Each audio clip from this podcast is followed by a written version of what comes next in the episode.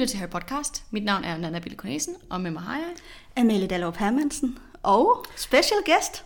Clara Lilja. Ja. Velkommen i studiet. Tak skal du have. ja. Tak skal I have. I dag er det jo en lidt særlig optagelsesdag, fordi vi har lavet sådan en bonus-episode med dig, Clara. Det er jo fordi, du har en masse interessant at byde på, synes vi. Så vi tænkte, det kunne blive en rigtig spændende afsnit. Og det kan være, at du vil starte med lige at præsentere lidt dig, eller fortælle lidt om dig selv. Mm. For dem, der ikke lige ved, hvem du er måske. Ja, jamen jeg er billedkunstner, og så er jeg også ekspert i alkemi, og det er egentlig herfor. Derfor jeg sidder her i dag. Am I right? Det er en stor del af det, absolut. Mm. Men jeg altså må jeg plukke mig selv på Instagram? Hvis folk vil se, hvad jeg laver, så kan man gå ind på Instagram på Clara Lilja, og så kan man se mine skulpturer. Men altså, i min praksis som kunstner, så arbejder jeg med magi og alkemi, og også worldbuilding, og der er Harry Potter jo også et super godt eksempel på en, en meget stærk worldbuilding. Og hvad er worldbuilding, spørger ja. jeg så. ja. Som Harry Potter Som, ja, ja. Jamen, det er jo at bygge et univers, og øh, Harry Potter er et godt eksempel, Ringenes Herre er også et godt eksempel, Narnia. Der findes rigtig mange af de her universer, som lever, men jeg kan se nu også i kunstverdenen, at rigtig mange kunstnere er begyndt at arbejde med det her, at bygge altså narrativer og karakterer, der hænger sammen, som de så for eksempel maler malerier af, eller laver computerspil med. Nå ja, computerspil, det er også, altså nærmest alle spil er jo også virkelig gode eksempler på worldbuilding. Mm, Det er rigtigt. Ja. Øhm, altså ja, Final Fantasy, God of War, og sådan noget, altså Batman, det er jo også worldbuilding. Ja. Øh, så bare alle universer, der har en stærk ramme og en stærk fortælling. Ja, så det er mega spændende at arbejde med. Mm. Det er jo godt forestille mig. Har du, altså, worldbuilder du også i din praksis? Altså ting, der går igen? Ja, altså jeg... Det er jo virkelig et stort projekt at kaste sig ud i, men først så lavede mm. jeg bare objekter, en efter hinanden, og nu er jeg ligesom begyndt at sætte dem i system, og ligesom tænke, hvad er det her for en planet, alle de her objekter findes på. Mm. Øhm, ja, og jeg har en stor udstilling til næste år, som kommer til at handle om det, hvor jeg ligesom mm. har lavet hele solsystemet øhm, og planeterne, og, sådan, og så skal der være nogle store borer med hvad hedder det, altså et bord kun med planter, et bord med mineraler og et bord med fossiler. Så det er sådan det, jeg arbejder mm. med. Det lyder mega fedt, og jeg, mm. altså, jeg vil klart, klart anbefale, at man går ind og følger Clara Lilja. Hvis man er på Instagram. Nu er jeg Amalie ikke på Nej, jeg er, ikke, jeg er stadig lidt old fashion med det angår. Du er meget old fashion, hvad det går. hvad det går. Men altså, det er jo også der, kontakten er, er opstået. Du har skrevet til os på Facebook, men det er også, jeg har også fulgt dig på Instagram, og kunne, kunne se mm. altså, parallellerne og din interesse, både for Harry Potter og for fantasy generelt. Og det matcher jo utrolig godt med det, vi laver her. Ja, jeg skrev faktisk til jer, fordi jeg fik anbefalet jeres podcast for længe siden af en veninde, og så mm. åbnede det bare hele franchisen for mig igen, og det var mega fantastisk. Jeg har ikke læst bøgerne, siden jeg var barn. Og så det at blive sådan introduceret til det hele igen, det har bare været sådan super stort og inspireret mig til rigtig mange værker. Og så er der rigtig mange, jeg går på Kunstakademiet i København på sidste år, og den skole er en rigtig gammel skole, det er et slot, og mm. der er rigtig mange paralleller til Hogwarts. Og magi er også en stor trend i kunstverdenen lige nu. Hmm. Der er rigtig mange, der arbejder med det. Også det okulte og tarotkort. Altså spiritualitet generelt er også en kæmpe trend, bare i samfundet. Og så øh, var det faktisk, fordi vi havde, jeg havde et kursus i alkemi, i praktisk alkemi, mm. hvilket jeg synes var så langt ude på en eller anden måde, Ja. at den, altså, det er en statsautoriseret uddannelse, Det hvor jeg er blevet undervist i alkemi Okay. for real. Ej, Øhm, sjovt. Ja, vi havde også, altså vi har også haft et kursus i kaosmagi What? øhm, og praktisk magi. Er det en hekseskole? Det tænker jeg. Så hurtigt. Det er en hekseskole, er det ikke det? Vi har også sådan, altså vi har jo fire professorskoler. Okay. Ja, og Hogwarts har fire skoler. Der er også, vi har også en fuld phoenix på taget. Ja, det er rigtigt. Øhm, Ja, så, så der var bare så mange ting, der hang sammen, synes Jeg jeg. tror i hvert fald, hvis der sidder nogen derude, som er øh, sådan forholdsvis unge, måske 6, 7, 8, som hører med. Det gør der jo. Hvis I gerne vil sådan optages på Hogwarts, gå efter kunstskolen. Ja, det vil jeg Det er jo også det vi kan komme det, eller? Ja, ja. Om 100 procent. Det tror jeg. At hvis jeg var, hvis jeg var sådan de der 9-10, så ville jeg begynde at arbejde benhårdt mod at blive optaget. Det tror jeg. Ja. Fuck, hvor fedt. Mm-hmm. Fedt. Men det kan være, at øh, vi skal gå lidt ind i det der alkemi i praksis. Vi Ja, ved jo ingenting Vi om ved det. intet, nej. Vi er jo helt på udebane her. Altså det, vi ved, det er de vise sten, Ja. Nicolas Flamel, den del der, som vi har talt om Lige i præcis. forbindelse med Harry Potter. Og vi er jo også meget, altså nu er jeg humanist, så jeg er måske sådan lidt blødere, men Amalie, hun Ja, er jeg er jo, en talperson. du er en talpige. Så vi er meget langt væk fra det der univers. Altså, og det er jo det, der gør det, det er vi jo så lidt samtidig heller ikke, fordi vi sidder og har en podcast om Harry Potter. Men det er bare en helt anden måde at tænke det på, ikke? Og det der med altså, at skulle sidde og være kunstnerisk, og skulle, skulle være kreativ, og så samtidig også skulle sidde med de her verdener, det er jo ikke noget, vi gør selv. Nej, altså I sidder med Harry Potter, vil Ja. ja. jeg så sige som Ja. ja. modsvar. Det er også rigtigt. Ja, jeg vil også sige, jeg tror, der er nogen, der vil sige, at vi var... Jo, jo, det er jo rigtigt nok, det er jo rigtigt nok. Ja.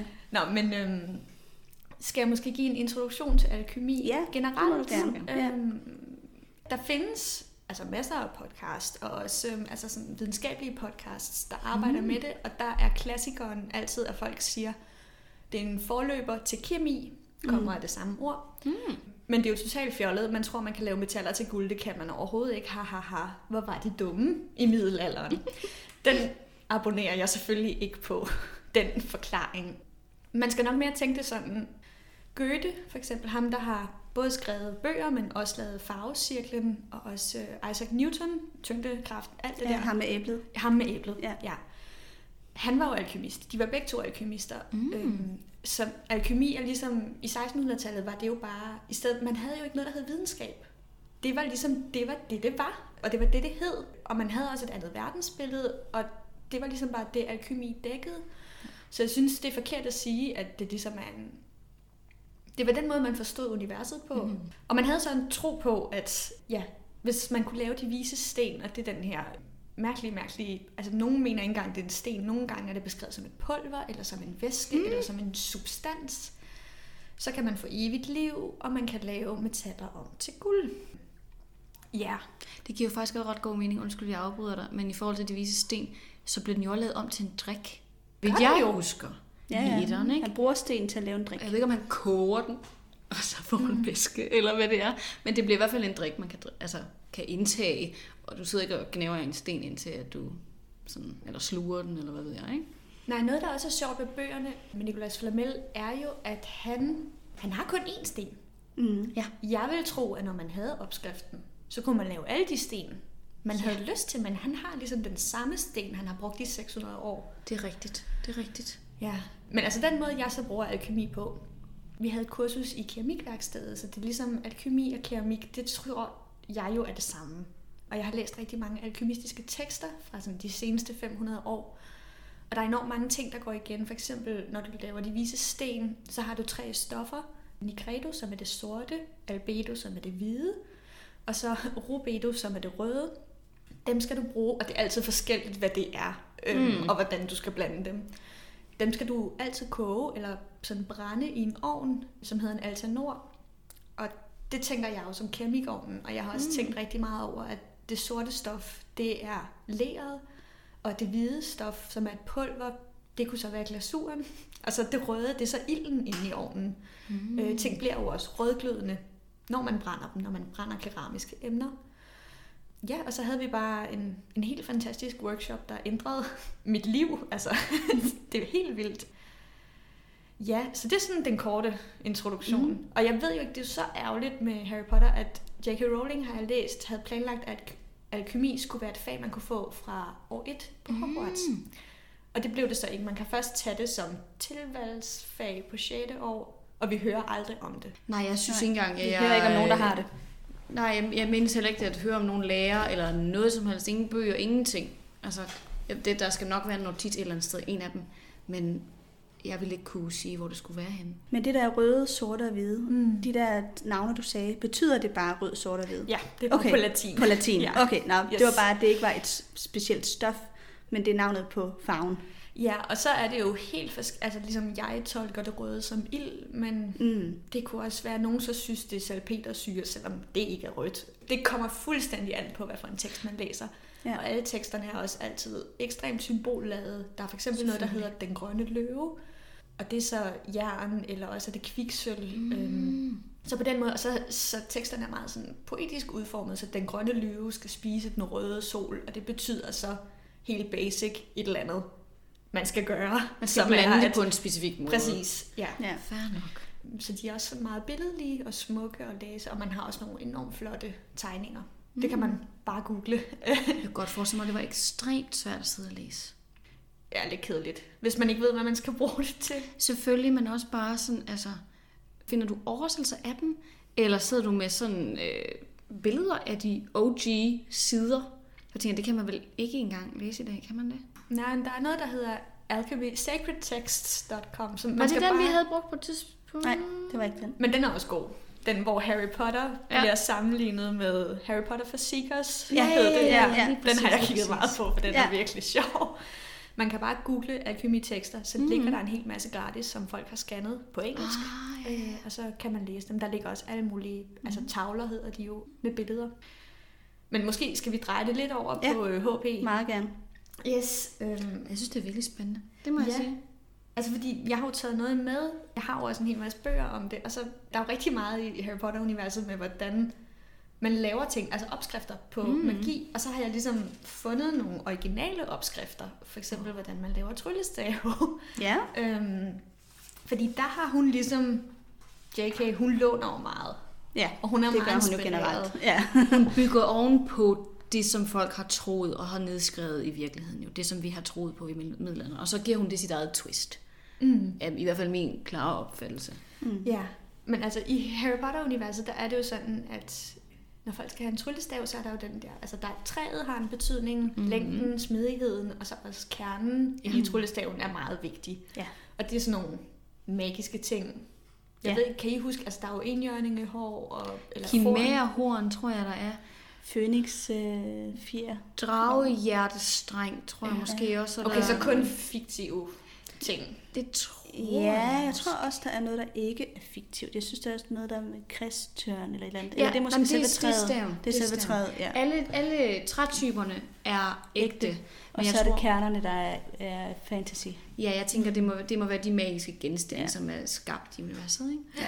Men jeg fandt en opskrift. Øh, hvis nogen kender den danske heks, Danny Drohyl, hun Mhm. mm-hmm. lever stadig. men Hun skrev en fantastisk bog i 70'erne, kun med hekseformularer. Og hun har en opskrift på at lave en tryllestav, og hun, den er sådan meget specifik. Der skal man tage hyldetræ, Mm. og det er ligesom om, hun har sådan engineeret den til folk, fordi hyld, det betyder altid, det er hvid magi, det er det gode. No. Så hun har ligesom lige lavet sådan, så man ikke kan lave en dårlig stav. Ja, det er smart nok. Øhm, og det sjove er, fandt jeg jo så ud af, og så skal man putte, i Dannys opskrift skal man bare putte ting ind i, man selv synes er magiske, så det kunne være hår, okay. fjer, dugdråber, alt muligt.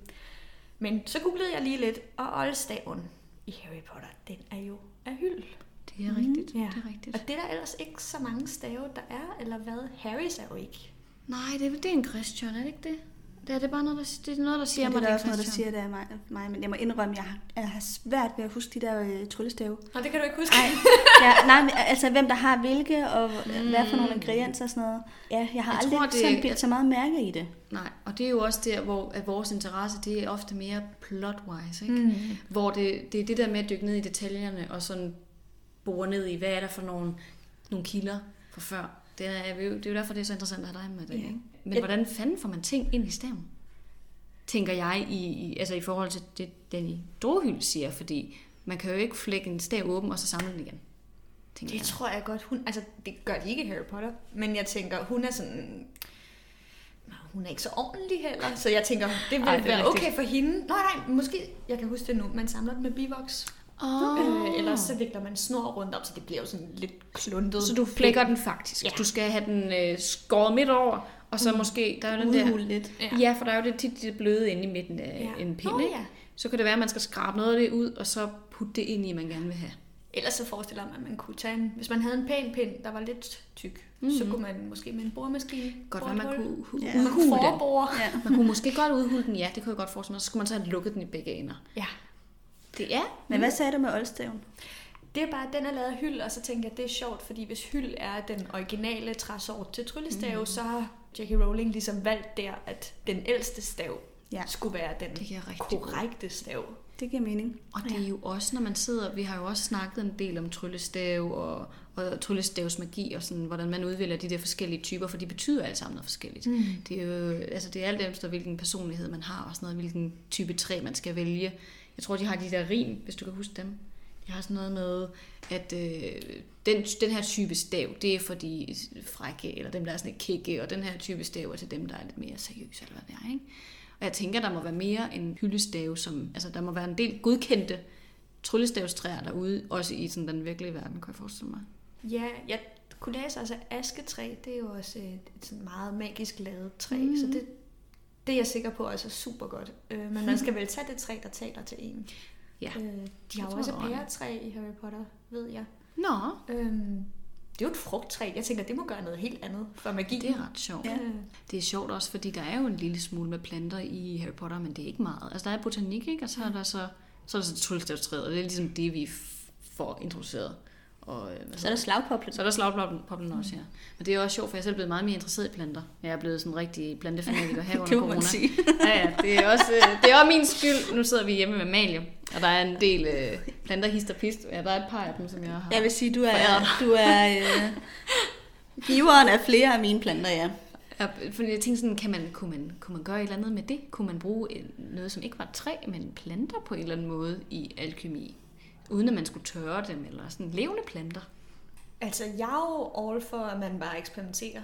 Mm. Øh, også fordi, nu breaker jeg den, men magi findes jo ikke i den form. det findes i Harry Potter-universet, så jeg synes, man skal, øh, ja, man skal have det sjovt. Det er rigtigt, og man skal bare hygge sig med det. Jeg har også, altså, den næste, den tror jeg, hvis der sidder nogen, der ikke er feminister, så vil de ikke bryde sig om den her opskrift. Øhm, det er kærlighedselixieren, Oh. som jeg vil snakke lidt om. Altså den i Harry Potter-universet. Ja, og så også en rigtig. Nå, okay, ja. Øhm, fordi jeg slog opskriften på kærlighedselixir. Det er jo den der, hvad hedder den? Amor... Amortentia, tror Ja. jeg, den hedder Mm, i det Harry er Potter. rigtigt, I hvert det fald er på rigtigt. engelsk. Ja. Jeg tror bare, de Øhm, kalder den kærlighedselixir på dansk. Og det er den, Ron bliver forgiftet mm. med i sekseren. Er det korrekt? Jo, hvor han bliver vild med Romilda Wayne. Præcis. Ja, og de skal også øhm, de skal jo lave den Ja, hos er øh, Snape der, hvor Hermione dufter et eller andet frisk slået græs. Og, Ja, og, er det ikke snabbevam, de skal lave den hos? Jo, okay, det, det ved du bedre. ja, det tror jeg, det er. Men, uh, Ja, ja. det er nemlig rigtigt. Men Jeg det- forstår ikke, hvorfor de overhovedet skal lave den. Vil jeg så sige, hvis det Nej. er sådan lidt et øh, rape drug, eller hvad ja, det er det jo. Ja, ja. ikke? Man kan jo få folk til at handle på måder, de ikke ellers ville. Hvilket jo er, øh, altså når man tænker på Imperius-forbandelsen, ikke? hvor man får folk til at handle mod deres vilje, eller i hvert fald uden at de er bevidste om, hvad de gør. Så er det ret vildt, at kærlighedselixien overhovedet er lovlig. Mm, Generelt de ting, de lærer at lave, er jo, altså, det, der er meget af det, hvor man tænker, det her, det burde de nok ikke vide. Og der kan man jo sige, øh, Nidkærs argument for, at I burde ikke lære alle de her ting, den falder jo lidt ind i det, ikke? Ja, altså der er i hvert fald nogle gange ikke altid overensstemmelse mellem nogle regler og så andre regler. Mm-hmm. Som for eksempel kærlighedselixir og at det er en utilgivelig forbandelse at bruge... Øh, Præcis. Men de får. Imperius. så mange af de der ægle besværgelser, eller ikke besværgelser, men ægle elixier nede ved Snape, hvor man sådan kan sidde og tænke, det her, det er måske ikke nødvendigt at lære. Men jeg tror bare, de har en anden øh, etik og moral, og man regner med, for at de kan godt finde ud af at øh, håndtere det. Men tilbage til kærlighedselixien. Hvad Ja. er der i den? Jeg vil bare sige lige kort, hvis jeg var 15, og jeg havde lært at lave sådan en, og den virke, altså hvis jeg var i Harry Potter, jeg ville have misbrugt den. Okay. Selvfølgelig. Og det bliver den jo også gjort i det her univers. Det er det, der er problemet. Ja, det Den gør bliver den. Det er det farligste tidspunkt at give folk den her viden på, det er, når Ja. de er 15 Ja, eller det er sådan teenager. Nå, Ja. så skidt. I Harry Potter, der er elixiren Ashwinter æg, og jeg ved ikke, hvad en, altså en Ashwinter, det er sådan en fugl, jeg ved ikke, hvad den hedder på dansk. Nej. Er det, er det en der ægte fugl? Eller? Nej, det er en Harry det er en Potter Harry Potter-fugl, ja. Ja, sådan en dragefugl. Øh, rosentorne, mynte, månesten, perlemorsstøv og rosenblade. Så sådan en ret feminin sammensætning, vil jeg Ja. sige.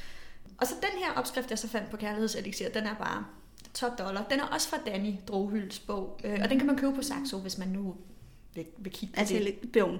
Ja, bogen. Ja. Øh, ja. Ikke elixieren. Ikke elixieren. Ikke elixir, nej. Men hun har så kager. Øh, Oh. Og det er, sådan en, det er sådan en rigtig klassisk hekseting, at man, hvis man vil forhekse nogen, så skal man lave noget, de skal spise. Og det giver jo mening. Det virker også på en eller anden måde meget feminint. Og den, den, der, den der klassiske sådan, vejen til en mands kærlighed går gennem maven, ikke? Jo. Altså, det er jo, det hænger meget godt sammen, at man også skal spise en kage så. Men altså, Dannys opskrift er så på de her kærlighedskager. 3 dl sukker, 250 gram smør, 4 dl hvedemel, mynte, og det er den eneste ting, der går igen i mm. begge opskrift. Og så et sølvfingerbøl fyldt med menstruationsblod. Nej, nej, nej, nej, nej. Og det skal jo selvfølgelig være fra dig selv. Ja, ja, det er Øhm, klart. Hold da op. Ja. Fuck, hvor Kan jeg griner vide, hvor mange, der har lavet dem? Det er jo så mit, det, er det, det første, jeg tænker. Kan jeg vide, hvor mange, der har gjort det? Men jeg tænker... Og du sad lige og grinede, hvor jeg tænkte, kan jeg vide, har du gjort det, eller hvad? Okay. Det har jeg ikke tænkt på. Jeg tænkte, ahaha, det er så whack, den her opskrift. Men ja, du har jo ret. Der må der være nogen, der har gjort det. Danny har lavet dem. Ja, ja, helt sikkert. Der er, altså jeg ved, der er nogen derude, der går og gemmer deres blod til diverse spændende ting. Altså det, det, det, der findes folk, der er Hvad gemmer man det til? Det, det er måske til sådan noget her. Det er alt muligt spændende. Nå, det tror jeg, men jeg tænker, for mig at se, der er menstruationsblod jo ikke noget, der burde... Altså det er jo, det er jo et affaldsprodukt. Mm. Så jeg tænker, jeg kan godt se, at det kommer fra livmoderen, og på den måde har det noget at gøre med sex og kærlighed og så videre, ikke? Men jeg tænker, det er jo ikke den livgivende del. Det er jo ikke den, der skulle skabe Nej, det er vel de æg, der ikke er blevet befrugtet, der kommer ud, ikke? Jo, Sammen med noget snask. jo, præcis, præcis. Så jeg tænker sådan, jeg synes, det er ret grineren. Jeg tænker sådan, øh, mere altså udflod eller sådan sekreter ville måske give lidt bedre mening. Er det bare mig? Ved ikke, men Sorry, nu det blev det lige pludselig meget altså. intimt. Men jeg tænker bare, at... Men det, det ved, der, der er nogen, der kører det der med menstruationsblod, hvor jeg er sådan et, for mig der tænker jeg med, at det er sådan et, et affaldsprodukt. Det er Altså- hvordan man lige ser det. Lidt i samme tråd, så øhm, når man føder et barn, så er der jo nogen nu, der gemmer moderkagen Ja, det er og spiser den er bagefter, rigtigt. Og, eller graver den ned og planter et træ. Det er rigtigt.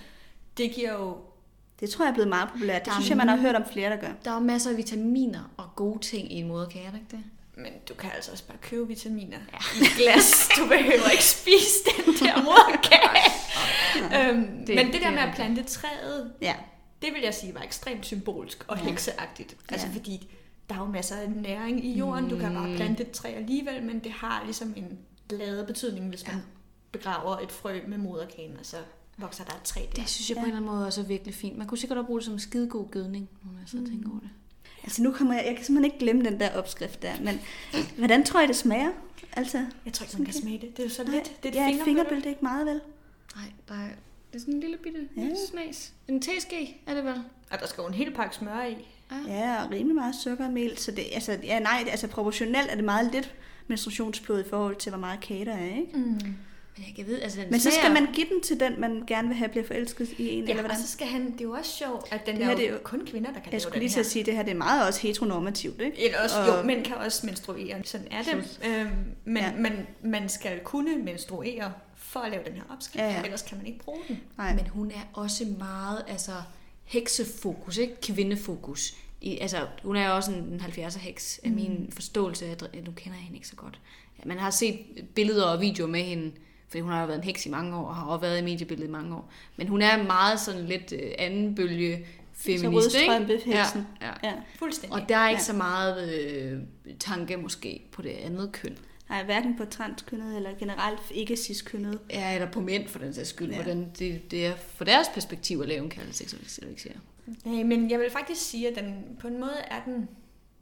Den kan også noget, den bog, fordi Mm. måske i en tid, hvor der er Ja. ja, hvor der ikke var så meget fokus på, hvad kvinder kunne, eller et, et, et særligt sådan meget kvindeunivers, øh, mm. Mm. hvor at hun lægger meget vægt på, at det er ja, altså den kønsnormative kvinde, der ligesom Mm. mm. har kraften. Hmm. Det er ikke cis-manden. Nej, men det er jo også det, vi bygger videre på i dag. Altså hvis ikke rødstrømpebevægelsen havde været der, så havde feminisme i dag, tror jeg heller ikke været der, hvor det var. Altså vi, Absolut vi bygger jo alt sammen oven på skuldrene af andre. Mm. Det er nemlig det, og det er jo også validt, at man kan sagtens læse de der bøger stadigvæk, og så sidde og reflektere videre over, og det er jo det, det, er jo det vi gør nu. Mm. Det er jo den samtale, vi har nu. Værket er der jo, og giver os jo stadigvæk sindssygt meget viden, som vi ikke ellers havde haft. Ikke? Mm. Men jeg vil lige sige noget andet. Jeg synes, kagen lyder kedelig. Ja, Ja, Altså, jeg til forestiller mig en vild Ja, altså, sandkage der med et mynteblad i, og så noget menstruationsblod. ja det lyder der ikke mangler sådan. noget chokolade eller et eller andet. Ikke? Ja. hun er jo ikke kok, Ej. kan man godt se. hun er heks. Ja. Øhm, She's a witch! ja. Men det er også sådan lidt inspireret af, sådan hash brownies, ikke?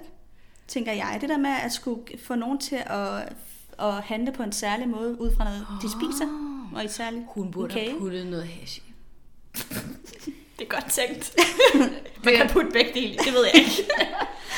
Ikke, hermed ikke en opfordring eller noget, vel? Altså, nu skal vi ikke... øh, Vi har altså Hvis også... I gør det, så fortæl os lige, virker det? Bliver det, virker det bedre end uden, i hvert fald? Jeg vil sige, noget andet, man også kan gøre, som er mindre ulækkert, og som altså sådan en rigtig gammel old school hekseting, det er, hvis man gerne vil have nogen, der skal være forelsket i en, så kan man strikke noget til dem, og så mm. mens man strikker, skal man putte sit hår i. Det sker automatisk, hvis man har prøvet at strikke, så Nå, kommer så der kommer tit der hår i. hår i, ja. Men så er det samme tanke igen. De går rundt okay. med noget, hvor der er en del af en i, og så vil de tænke på en hele tiden. Så det er sådan en, en, en lækre. Det giver super god mening. Det er også en lidt sødere måde, synes jeg. Jeg tænker det der med generelt, at man skaber noget af sine egne hænder og giver det til nogle andre. Og det er nok godt det der ting med kagen. Jeg har skabt noget og tænkt på dig, og nu får du det. Mm. Du spiser det, eller har det på, så bliver du glad for mig. Mm. Altså, det giver jo super god, god mening. Altså. Jeg har også lige lidt uh, Potter trivia, uh, Ja. som jeg ikke havde lagt mærke til, men Harry dufter jo den her elixir, da de mm. laver den, den der Amortentia. Uh, Ja. Og så dufter han jo Ginny, Ja. inden han ved, han er forelsket. Mm. Det vidste de godt. Ja, ja, ja. Ja, men han, hvad er det, han dufter? Det er, øh, Åh, ja. det Hvad er koste, af? hvad hedder sådan noget, et kosteskaft på en Quidditch, altså Ja. kost. ja. Og hun spiller jo Quidditch, men det tænkte, det kan han ikke regne ud der. Og så dufter han også noget, han har duftet hjemme hos Ron, som dufter af blomster, kan han heller ikke helt placere, men det er sådan meget obvious, når man ved det, Ja, at det er hende, han kan Ja. dufte. Det er, sådan, det er ret sødt, synes jeg. ja, det er rigtigt. Det er rigtigt nok. Og Men det er jeg tror, alle læserne ved det før Harry selv. Altså, jeg tror, de fleste har lagt mærke til, at han er vild med hende, inden han selv finder ud af det. Men jeg ved ikke, om man er, er, er det ikke et par bøger inden? Er det en bog inden, at de begynder at date? Eller er det bare mig? Det er ikke i den bog, hvor de begynder at hooke op, er det vel? Det Eller tror hvad? jeg ikke, men det, det ved jeg ikke.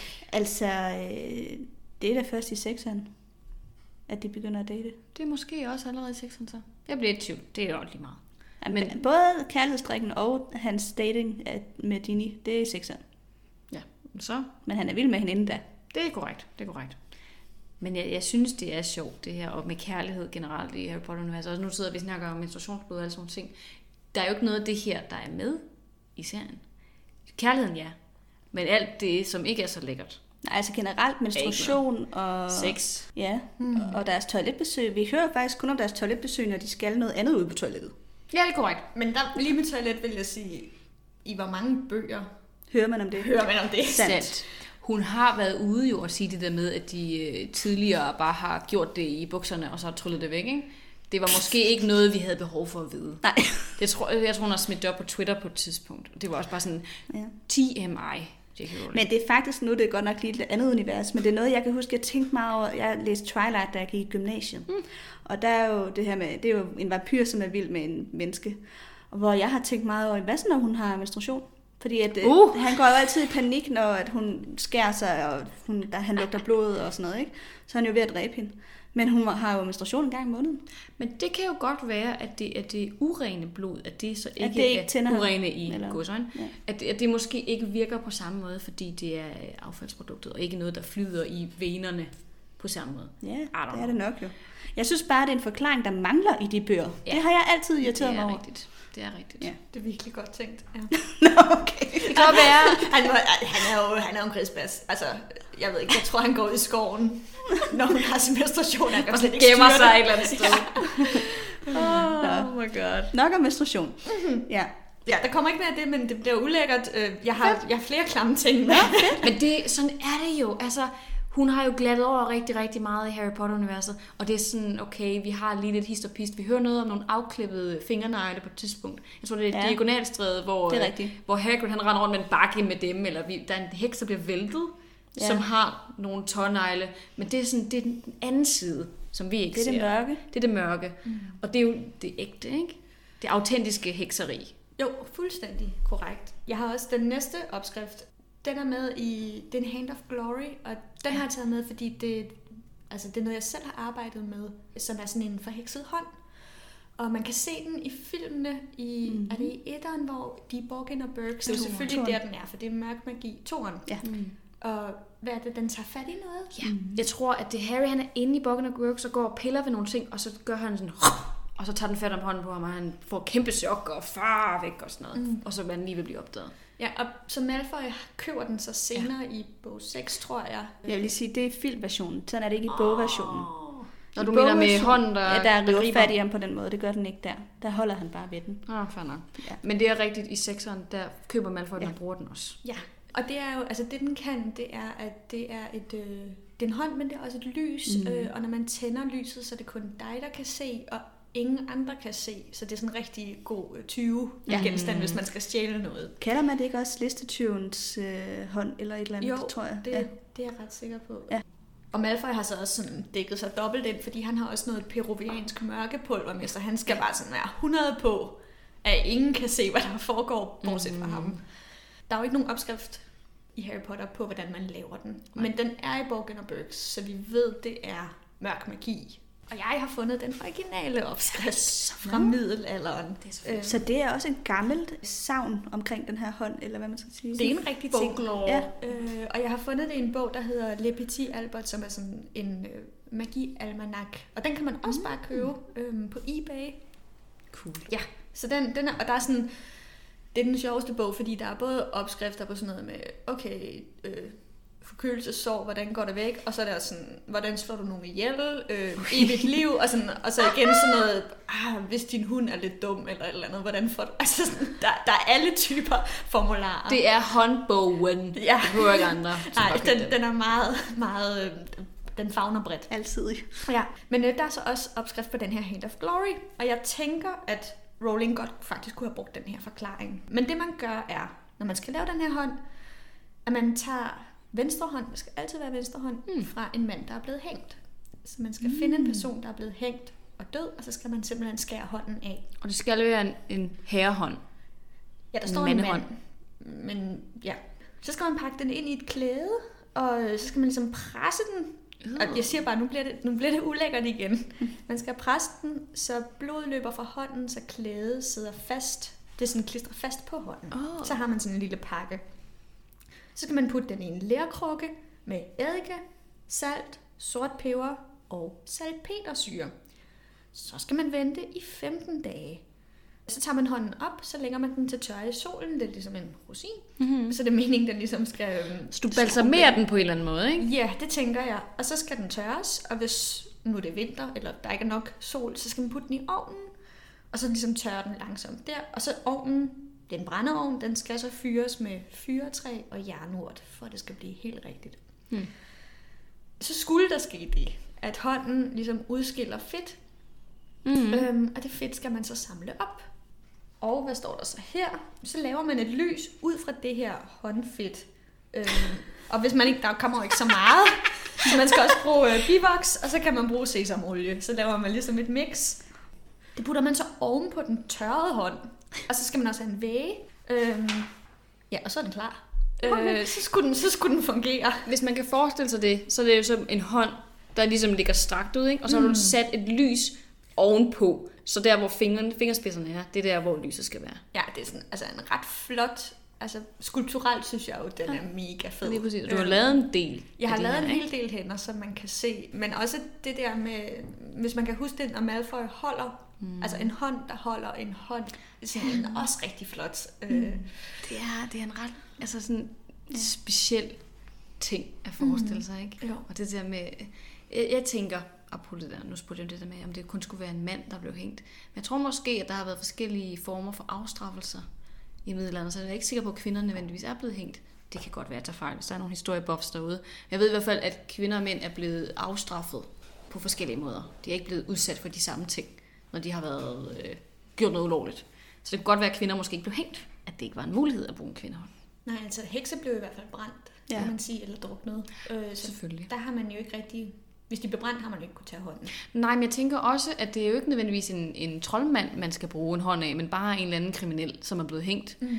Men altså, hvis du er blevet sat på hjul og stejle, eller blevet brændt, eller hvad ved jeg, på en eller anden måde er død, så kan du ikke tage hånden jo. Så det skal være nogen, der er blevet hængt. Det er sjovt, at det skal være en kriminel person, ikke? Mm. Så om det ligesom tilføjer noget mørke Det kunne til jeg det her objekt. Ja. Og man, det implicerer også lidt, at der så også er blevet hængt en del, som ikke har været kriminelle. Altså som, Hvordan det? jamen hvis det skal være en hånd fra en hængt kriminel person. Men jeg tænker, at, at der, der, det er der står ikke i opskriften, at det skal være kriminelt, men jeg tror bare, man antager, at hvis der er nogen, der er blevet hængt, så er det fordi, de har gjort noget, de ikke måtte. Åh, ja. Det er det, du... Det er det, jeg, ja, det var det, jeg lige sådan Ah. tænkte, Nå, men hvis Der, Ja. Hvis der så er blevet hængt uskyldig, og så virker hånden ikke, eller hvad? Det tror jeg ikke, han, ja, det tror jeg ikke, den tænkte Nå, så der stod ikke, at det skulle være en Nej, kriminel. det var bare mig, der sagde. Ja, Nå, det tror okay. jeg, Anna har faktisk ret. Okay. Ja, det har jeg Okay. ikke tænkt over. Men det, Fair ja, nok. ja, det gik jeg selvfølgelig ud fra, at hvis man er blevet hængt, så har man gjort noget lovligt. Men sådan var det jo ikke. Så jeg tænker, at retssystemet var dengang, som det er i Harry Potter i dag. Det er ikke sikkert, at det var de skyldige, der blev Men dømt. det tror jeg faktisk, han er ligeglad med. Jeg tror bare, det der med akten med, at der er nogen, der er blevet hængt, og man så tager hånden fra dem. Ja. Og så har samfundet så besluttet sig for, vedkommende har gjort noget ulovligt. Uanset Det om er de har det eller ej. Ikke? Jeg tror måske, det er det. Men når det er sagt, er det dog bedre, at man tager en hånd fra en, der er død, end en, der er levende. Gudskelov. Men nu kommer jeg jo til at tænke på, i Harry Potter, hvor gammel er den hånd, der er i Borkin og Burks, og hvor skaffer de dem henne, hvis der er flere? ja.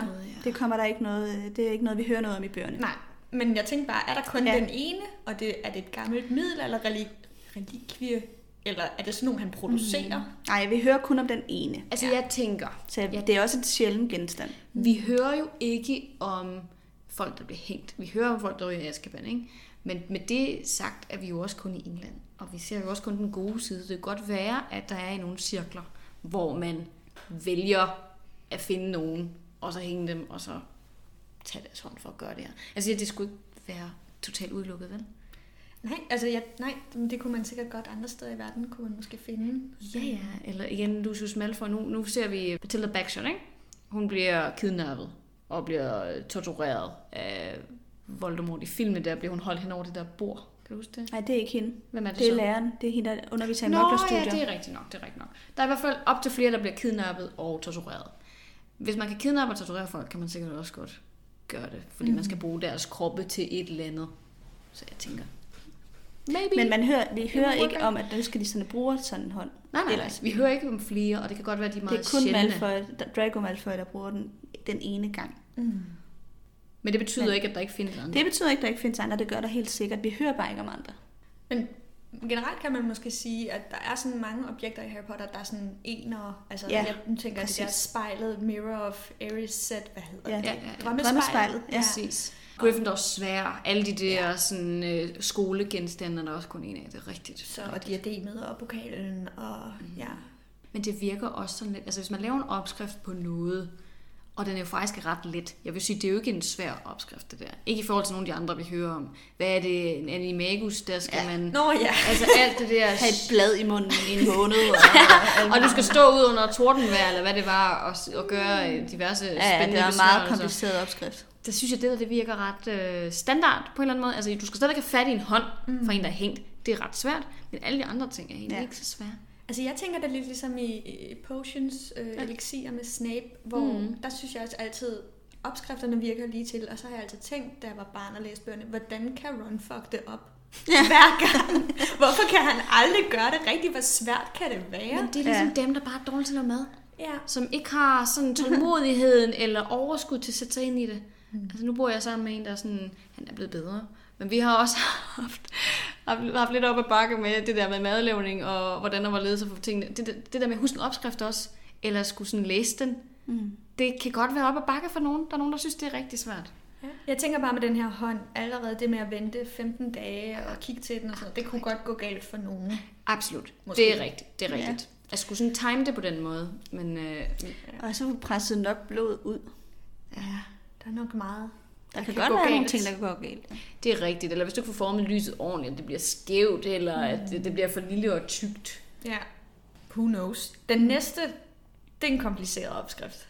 Nu er I jo i flammernes pokal. Mm. Mm. Der, den, oh, det er den ulækre. Der, hvor uh, øh, Rommehale skal have hugget Ja. hånden af, Ja. og Voldemort genopstår. Det er Øhm. rigtigt. Det har jeg glædet mig meget til det. Ja, det er den sidste, jeg har med, og den er, også sådan, den er virkelig vild, den her opskrift. Øhm, og hun har ændret den. Det, jeg bare tænkte over, var, at Voldemort bliver genført, genfødt i det der kar. Mm. Øhm, og det mindede mig om en alkymistisk proces, hvor man i alkymi troede man også, at man kunne skabe mennesker. Altså det er sådan på en eller anden måde de første tanker om kloning. Okay. Øhm, Altså jeg tænker, er det sådan et golemagtigt? det er mere en homunculus. Eller det hedder en homunculus, Okay. men golem-traditionen findes også inden for alkymi. Så Okay, nu er jeg stået, og jeg ved ikke, hvad I snakker om. altså en golem, det er så vidt jeg husker, og nu er jeg jo ikke en ekspert, men det er noget, som man især har brugt i jødedom, ikke? hvor man laver en mand af ler og putter et eller andet ind i nakken på ham, en emblem eller en eller anden sten, jeg ved, kan faktisk ikke huske, hvad det er, og så bliver han levende, og så er han ligesom din bodyguard. Men det er mere sådan den første tanke om en robot, Ja. vil jeg sige. Øh, hvor Det homunculus, det er sådan et, det er et super mærkeligt koncept, og det er et mini-menneske. Mm. Altså det, det, er et, det er på en måde et reagensglas menneske, men det bliver ikke særlig stort. Og så den her homunculus lever altid meget kort tid, men har sådan nogle helt fantastiske, nærmest computeragtige evner. Altså den kan regne alting. Og det var jo før man havde lommeregner og sådan noget. Så den kan regne ting, den kan forudse fremtiden. Ja, øhm, og så googlede jeg lige lidt rundt, og det er den samme proces, så det er helt klart det, Rowling har kigget på, Okay. da hun skrev den Spændende. scene. Altså, nu skal jeg lige have været med. Ja.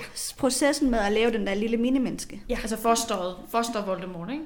Nej, Øhm, nu snakker vi forbi hinanden. Det der, du snakkede om, hvad hed det? øh, det er en homunculus, men ja, den scene, jeg snakker om, det er der i Flammernes Ja. pokal, hvor han, jeg kan ikke engang huske, hvordan ser han ud, før han kommer ned i karret? Der er han jo sådan det der lille misfoster. Okay, det er jo lidt omvendt, fordi på en måde så er det jo ligesom, om han er homunculusen først, og så bliver han en rigtig mand. Ja. Men den der, jeg kunne bare se, at opskrifterne var ens. Mm. Øh, og så det med at lave et menneske, når man så kigger i magiens historie, hvordan laver man et menneske, så er det, det er den type menneske, man laver. Okay, så det er det, som hun er blevet inspireret af til at lave Ja. opskriften på det der væske, yes. han skal ned i. Ja, Okay, præcis. det og jeg har øhm, jeg undersøgte det lige. Og i bogen, så vi får ikke helt opskriften, men tingene, der bliver brugt, er blandt andet ord med Hales hånd. Ja. Det kan vi godt huske. Igen en hånd. Igen Ja. en hånd, enhjørningeblod. Det er han jo rigtig glad for. Det brugte Mm. han også i etteren. Og så Naginis gift. Okay. Øhm, og Voldemort, han er sådan meget hoverende, og han siger faktisk, det her det er min egen opfindelse. Mm. Fordi han er jo, altså han er jo også en dygtig troldmand, Mm. mm. må man sige. Det må man give ham, Øhm, ja. Meget kreativ. Ja.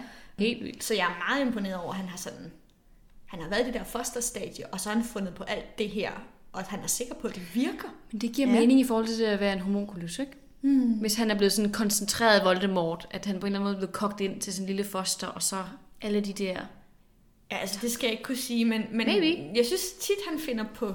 Han er meget... Også der, da han kun er hovedet i etteren, Ja. Så er han ekstremt sådan ressourcestærk, synes jeg. Helt vildt. Ja. Ja. Også når man tænker på ham som teenager, ikke? Han begynder Jo. noget der at lave hukrukser. Han er jo et geni. Ja. Ja, det, det, det kan man jo ikke sige noget om. Mit yndlingsafsnit i det her podcast, det var også den om Voldemort. Jeg synes, at den, den var bare så spændende. Det er jo virkelig godt, men det, der er meget at snakke om med ham, og det bliver jo også kun mere spændende jo altså senere hen vi kommer i bøgerne, fordi vi får mere og mere Voldemort. Jeg vil også sige, det som vi får flest lytterspørgsmål om, og det er jo en meget god indikator for, hvad folk de sådan er interesseret i, det er faktisk tit ting, der har med Voldemort at gøre. Mm-hmm. Det er meget, øh, det, jeg tror folk er interesseret i det der ondskab, men også den der onde magi, og især skabelsen af Horcruxer, og hele det der er fedt, fordi det er sådan, det er mørkt, og det er lidt interessant, for det er ikke noget, vi berører særlig meget. Præcis, og det er sådan lidt sjovt at sidde og beskæftige sig med, okay, hvordan er det lige, han laver en kruks? Er det nekrofili? Er det, man skal spise en baby? Altså, du ved sådan, ikke? At man sådan bare sidder og kører alle de der tanker igennem, som normale mennesker jo ikke sidder og overvejer i deres daglige liv. Altså jeg tror, i forhold til, hvordan man laver et hokrux, så kan man måske også kigge lidt på den her. Mhm. Mm-hmm. Den, han, han har jo han har ikke opfundet hokruxer, men han har ligesom videreudviklet opskriften. Ja. Og her har han jo også lavet en opskrift, der handler lidt om det samme Mhm. genfødsel. Ja, det er rigtigt. Ja, så er I klar til opskriften? Den Fuck ja. rigtige opskrift. Kom med det. Den er rigtig ulækker. Øhm, ja, og den kommer fra en bog, der hedder Di Natura Rerum, som er skrevet i 1537 af en rigtig kendt alkemist, der hedder Paracelsus. Han bliver også nævnt. Man kan få ham på samlekort i Harry Potter-universet. Er, er han sådan the OG alkemist, hokrux-mager, Hvad, hvad betyder eller OG? sådan originale? Nå, Eller original gangster betyder det faktisk. Sorry. Øh, han er ikke den originale Horcrux-mager, men ligesom altså Nicolas han. Flamel på samme måde, mm. er han sådan en... Nå, men han, og Merlin, ikke? Han ja. fandtes engang. Fair nok. Ja, men det her det er jo en rigtig bog, man også kan købe. Og nu kommer opskriften på den der væske, han Øh. genopstår i. på det Eller- hele, ja. på hele processen. Okay. Ja. Først så tager man sæden fra en mand. Mm. Mm. Og det går jeg jo så ud fra i det her tilfælde af Voldemort. Da det er ham, der skal genfødes. Ja, det må man gå ud fra. Ja, øhm, og det er jo igen sjovt det der med hans seksualitet, det har jeg også snakket om tidligere, mm. det der med, at han får en datter og sådan, det er, Ja, så det er meget, meget mærkeligt. Men jeg tror også, sex og mørk magi er også forbundet. Absolut, men det er bare det pussy er med Voldemort. Han er så aseksuel på en eller anden måde, ikke? Og Men han det er tror jeg, det er han så måske ikke helt. Nej, det er måske også rigtigt. Det er måske også rigtigt. Men øhm, man tager så sæden Så skal han så tage sæden fra sig selv, og den skal man samle i noget, der hedder en kukurbit. Og det tænker jeg, det ved jeg ikke, hvad er. Det slår jeg op. Det er græskar. Nå, Okay. det er også sådan meget det er til at Harry skaffe. Potter-agtigt. Det er til at skaffe. Ja, det er Ja. sådan en rigtig øh, Halloween-style. Fuldstændig. Så samler man det så der. Så har man det her græskar, man putter låg på. Det placerer man så i livmoderen på en levende hest. Okay. Ja. Det skal ikke være sådan alt for stort græskar. Jeg tænker måske en squash kan Ja. også gå Ja. sådan Ja, mere ja. den rigtige form. Åh, ja, Øhm, okay. Sandt. Ja, der skal det så ligge inde i livmoderen på en hest i 40 dage, oh. så sæden rådner. Så det skal være sådan, at du kan tage den ud, og så skal du helt tydeligt kunne se, står der i opskriften, at den er levende og bevæger sig. Oh. Det vil jeg jo sige, Ej, var der sådan lækkert. en... Altså, en, normalt vil der jo nok gå midler i, og det Ja. er det, man har sådan omskrevet til, at den er levende. Ja. Ja. Mm, det giver rigtigt. Vi er ikke færdige. Stakkels hest. Ja, stakkels hest. Jeg ved heller ikke, om det er godt for hesten. Øhm, Og det værste er, at der er sgu nok nogen, der har gjort det her. Ja. Nå. Sådan i, til slut, når du så tager den ud i de sidste dage, så vil den så begynde at ligne et menneske.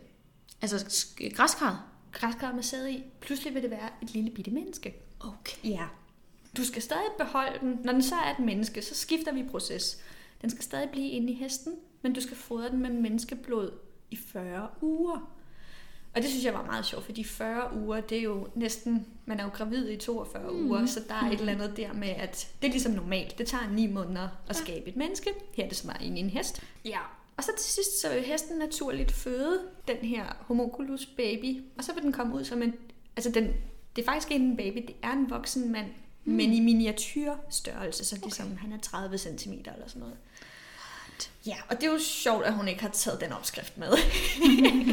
Ja, men hun har nok sådan tænkt, øh, de der 11-årige læsere, det vil de få rigtig meget ud af. sådan det styrer. Ej, det er ulækkert. Det er mere sådan elegant, vil jeg sige, med enhjørning af blod. Og Voldemort, han er sådan meget elegant Ja. mm. i den måde, han laver magi på. Men det der, det er jo forklaring på, hvordan man får det der lille mini-menneske. Ikke? Mm. Men, men det hører vi jo overhovedet ikke noget om i Harry Potter. Men det er jo nok der, hvor hun har vendt processen om. At hun, mm. har, hun har taget... Jeg ved ikke, jeg kunne bare læse på nettet, at der var flere, der sådan havde linket de her to processer og sagt, mm. det er det samme, der foregår. Til gengæld, til aller, aller sidst, så er der jo den der, da Harry er i limbo Ja. øh, på King's Cross, ja. der oppe i hovedet og møder Dumbledore, så ligger der jo sådan en mærkelig lille foster Ja. af Voldemort. Mm. Og er det så en homunculus? Det er det ikke. Nå.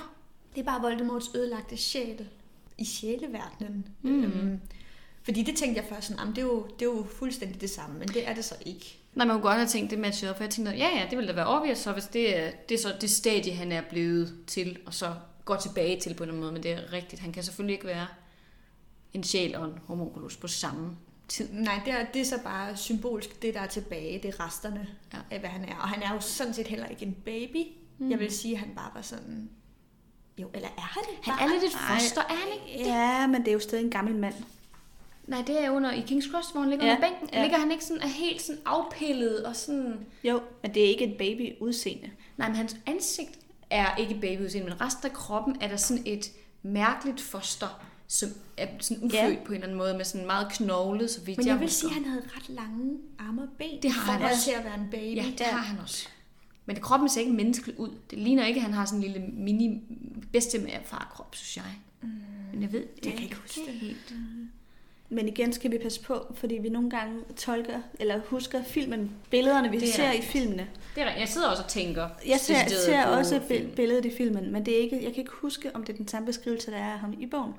Det kan jeg ikke. Men man kan sige, at hun har også været øh, en stor guidende faktor i forhold til filmene. Helt sikkert, men der er bare nogle gange stor forskel, Det er rigtigt. hvor det egentlig har ret stor betydning. Mm. Det er Men, rigtigt øh, nok. Ja. Mm. Men det er enormt interessant, fordi det er jo også noget, vi har snakket meget om, den her proces. Nu er vi selvfølgelig ikke nået til den endnu i bogen, men vi har jo snakket om det sådan Ja. præg, både det her og horcruxerne, rigtig mange gange, uden at være kommet frem til noget decideret, fordi hun har jo sagt, hun kan ikke offentliggøre de her processer, fordi de er så ulækre. Men der synes jeg, I havde en god pointe i, at jeg tror, hun har bygget det for meget op nu. Det med, at hendes jeg øh, redaktør kastede op, mm. øh, da hun Mhm. hørte forklaringen. Ja. Hvor man tænker, jamen hvad kan det være? Præcis. Det kan næsten ikke være værre noget af det der, du lige har fortalt. Nej, i hvert fald. præcis. Jeg synes også, det var rimelig ulækkert. Det, det er altså sådan, det der, de har lavet i middelalderen, det har været noget nasty shit. Altså det er folk, Ja. de har siddet og fundet på, det er sådan, det er bare så klamt. Det er så klart. Det, hun laver i Harry Potter, er ikke en skid i forhold til det, man faktisk har siddet og troet på. Det er jo det, der er så grineren på en eller anden måde, ikke? Mm, jo, altså øhm, hun har helt klart både gjort det smukkere og lækre, men også mildere, Ja. vil jeg sige. Det mm. tænker jeg også. Det tænker jeg også. Og det er nok også, altså, som du siger med, at vi lige pakker nogle af detaljerne væk, fordi hun har jo sådan hypet det lidt for meget, og så bliver det bare sådan et eller andet. Nå ja, men man skulle bare slå nogen ihjel og spise en hånd, eller hvad, hvad ved jeg. Det er dog Ja. klamt nok, men Men samtidig hører vi jo også om tortur og mor og alle mulige andre ting, som jo også er meget voldsomt. det er meget voldsomt, men jeg tror bare, vi hører om det så mange bøger og film, og jeg tror bare, at folk er ikke så sensitive over for det i sådan fiktionsverden længere. Altså det absolut i virkeligheden. Det er noget helt andet. Men i forhold til at få beskrivelsen. Ja, Ja. jeg synes heller ikke, hun beskriver det så meget. Eller er det bare mig? Altså igen, Avada Kedavra er bare, bum, så død. Det er meget... Ja, men, øh, det, vær, altså, det værste, det er jo helt klart torturforbandelsen, synes jeg. det er rigtigt, og den møder vi et par gange. Ja. Men, men den eneste hvor, gang, hvor vi sådan virkelig bliver udsat for det, det er vel Hermione, da hun bliver tortureret. Vi af får også en meget levende beskrivelse af, hvordan Nevils forældre er blevet tortureret. Ja. Og hvorfor de så også er blevet... De har jo mistet forstanden. Selvfølgelig, selvfølgelig. Ja. Men, men det er vi heller ikke til stede i selve scenen. Jeg ved ikke, jeg føler Ej, vi får sådan... beskrevet scenen. Gør vi det? Ja. Det kan jeg slet ikke huske. Men jeg, jeg tror bare, at hun har glattet over Mm. mange af de der ting, og det er slemt. Det er kondoner på ingen måde tortur, eller mor, eller noget som helst. Men What? Jeg, jeg siger Jeg tror, bare, du kan genfor det. jeg siger bare, vi er bare så vant til det. Vi er så vant til, at folk de bliver slået ihjel, så jeg, det virker ikke så slemt. Jeg er meget enig. Jeg tror også, altså de mest populære podcasts og serier, det er sådan nogle krimi, øh, Ja, true er murder rigtigt. stuff. Præcis, Så folk præcis. er jo virkelig har set meget og har hørt meget. Så jeg har svært ved Mm. at se, hvordan hun skulle kunne skrive det. Så øhm, altså også uden at det bliver så vulgært og voldsomt, Præcis. at man ikke længere kan kalde det en børnebog. Ja. Øh, eller bare en bog.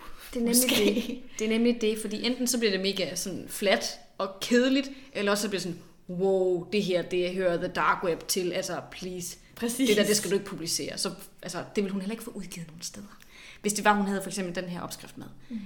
Alle de der øh, meget kristne grupper i USA, som i første omgang var meget utilfredse med hendes bog, de ville da altså gå fuldstændig amok. Det ville alle andre også. Men Ja, også fordi så pludselig bliver det en horrorfortælling, ikke? Eller så bliver det være sådan noget body horror, nekrofili. Altså Ja, sådan, ja, ja. Det, det kommer måske for langt væk fra det, hendes bøger oprindeligt handler om. det er lige pludselig en helt anden genre, ikke? Jeg tror faktisk heller ikke, at det der med skabelsen af Horcruxer er egentlig noget, J.K. Rowling har været så super interesseret i. Altså, det er ikke det, hun vil med sine bøger. Det er ikke det, der interesserer hende. Det onde skal være der, fordi ellers så giver det gode ikke nogen mening. Nej, det er rigtigt. Der er heller ikke en rigtig Men- fortælling uden. Nej, det hænger sammen det hele, ikke? Mm. Men jeg tror ikke, det er, det er ikke de der processer, hun er interesseret, så meget interesseret i. Det er mere samfundet og verden, fornemmer jeg. Og Voldemorts psyke. Vi hører meget om hans barndom og ungdom og alle de her ting. Mm. Og det, jeg tror, det er det, hun synes er interessant ved ham. Og ikke så meget, hvordan han laver magi. Nej, det er måske rigtigt. Jeg tror måske også, sådan lidt, det må folk forestille sig. Mm, Men det kan jo være, at øh, vi skal skifte emne lidt nu. Og så snakke lidt om hekse. Mm. Både i Harry Potter og i, øh, i virkeligheden, havde jeg sagt. Ja. Altså, Lige ja. præcis. Jeg ved, du mere, har nogle holdninger til det, ikke klar? Mere specifikt hekserollen, ikke? Altså også. Jo.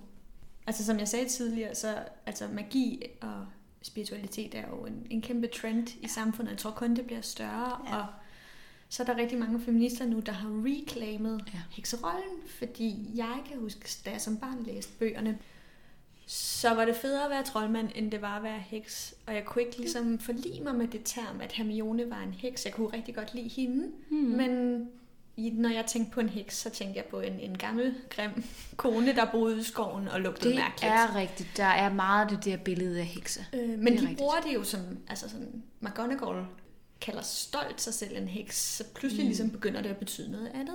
Og nu i samfundet, man kan jo følge masser af hekse på Instagram for eksempel, mm. og jeg vil nævne, altså kendte hekse i Danmark, der er jo så Danny Drohyl, som vi har snakket om. Er hun så- på Instagram? Nej, det er hun ikke. Nej, jeg tænkte også, kan det passe? Ja, men jeg mener, hvis du søger på heks, Ja. ja. Ja, Øh, ja, ja. også altså, i Salem i USA, der mm-hmm. hvor der var alle de der hekseafbrændinger, Ja. det er jo nu, altså hele det samfund har claimet at være hekse. Så de er alle sammen, de, altså de kalder sig selv hekse, de udøver magi, og det er blevet sådan en turistting. Griner. Øhm, ja, men ellers Olga Ravn, som er Ja. ja. forfatter, hun er også sådan et rigtig godt eksempel på en moderne heks. Mm. Og hun har også øh, en forfatterskole, der hedder Hekseskolen, som jeg tror, det handler... Altså, heksen er jo så også nu en antikapitalistisk figur. Ja. ja.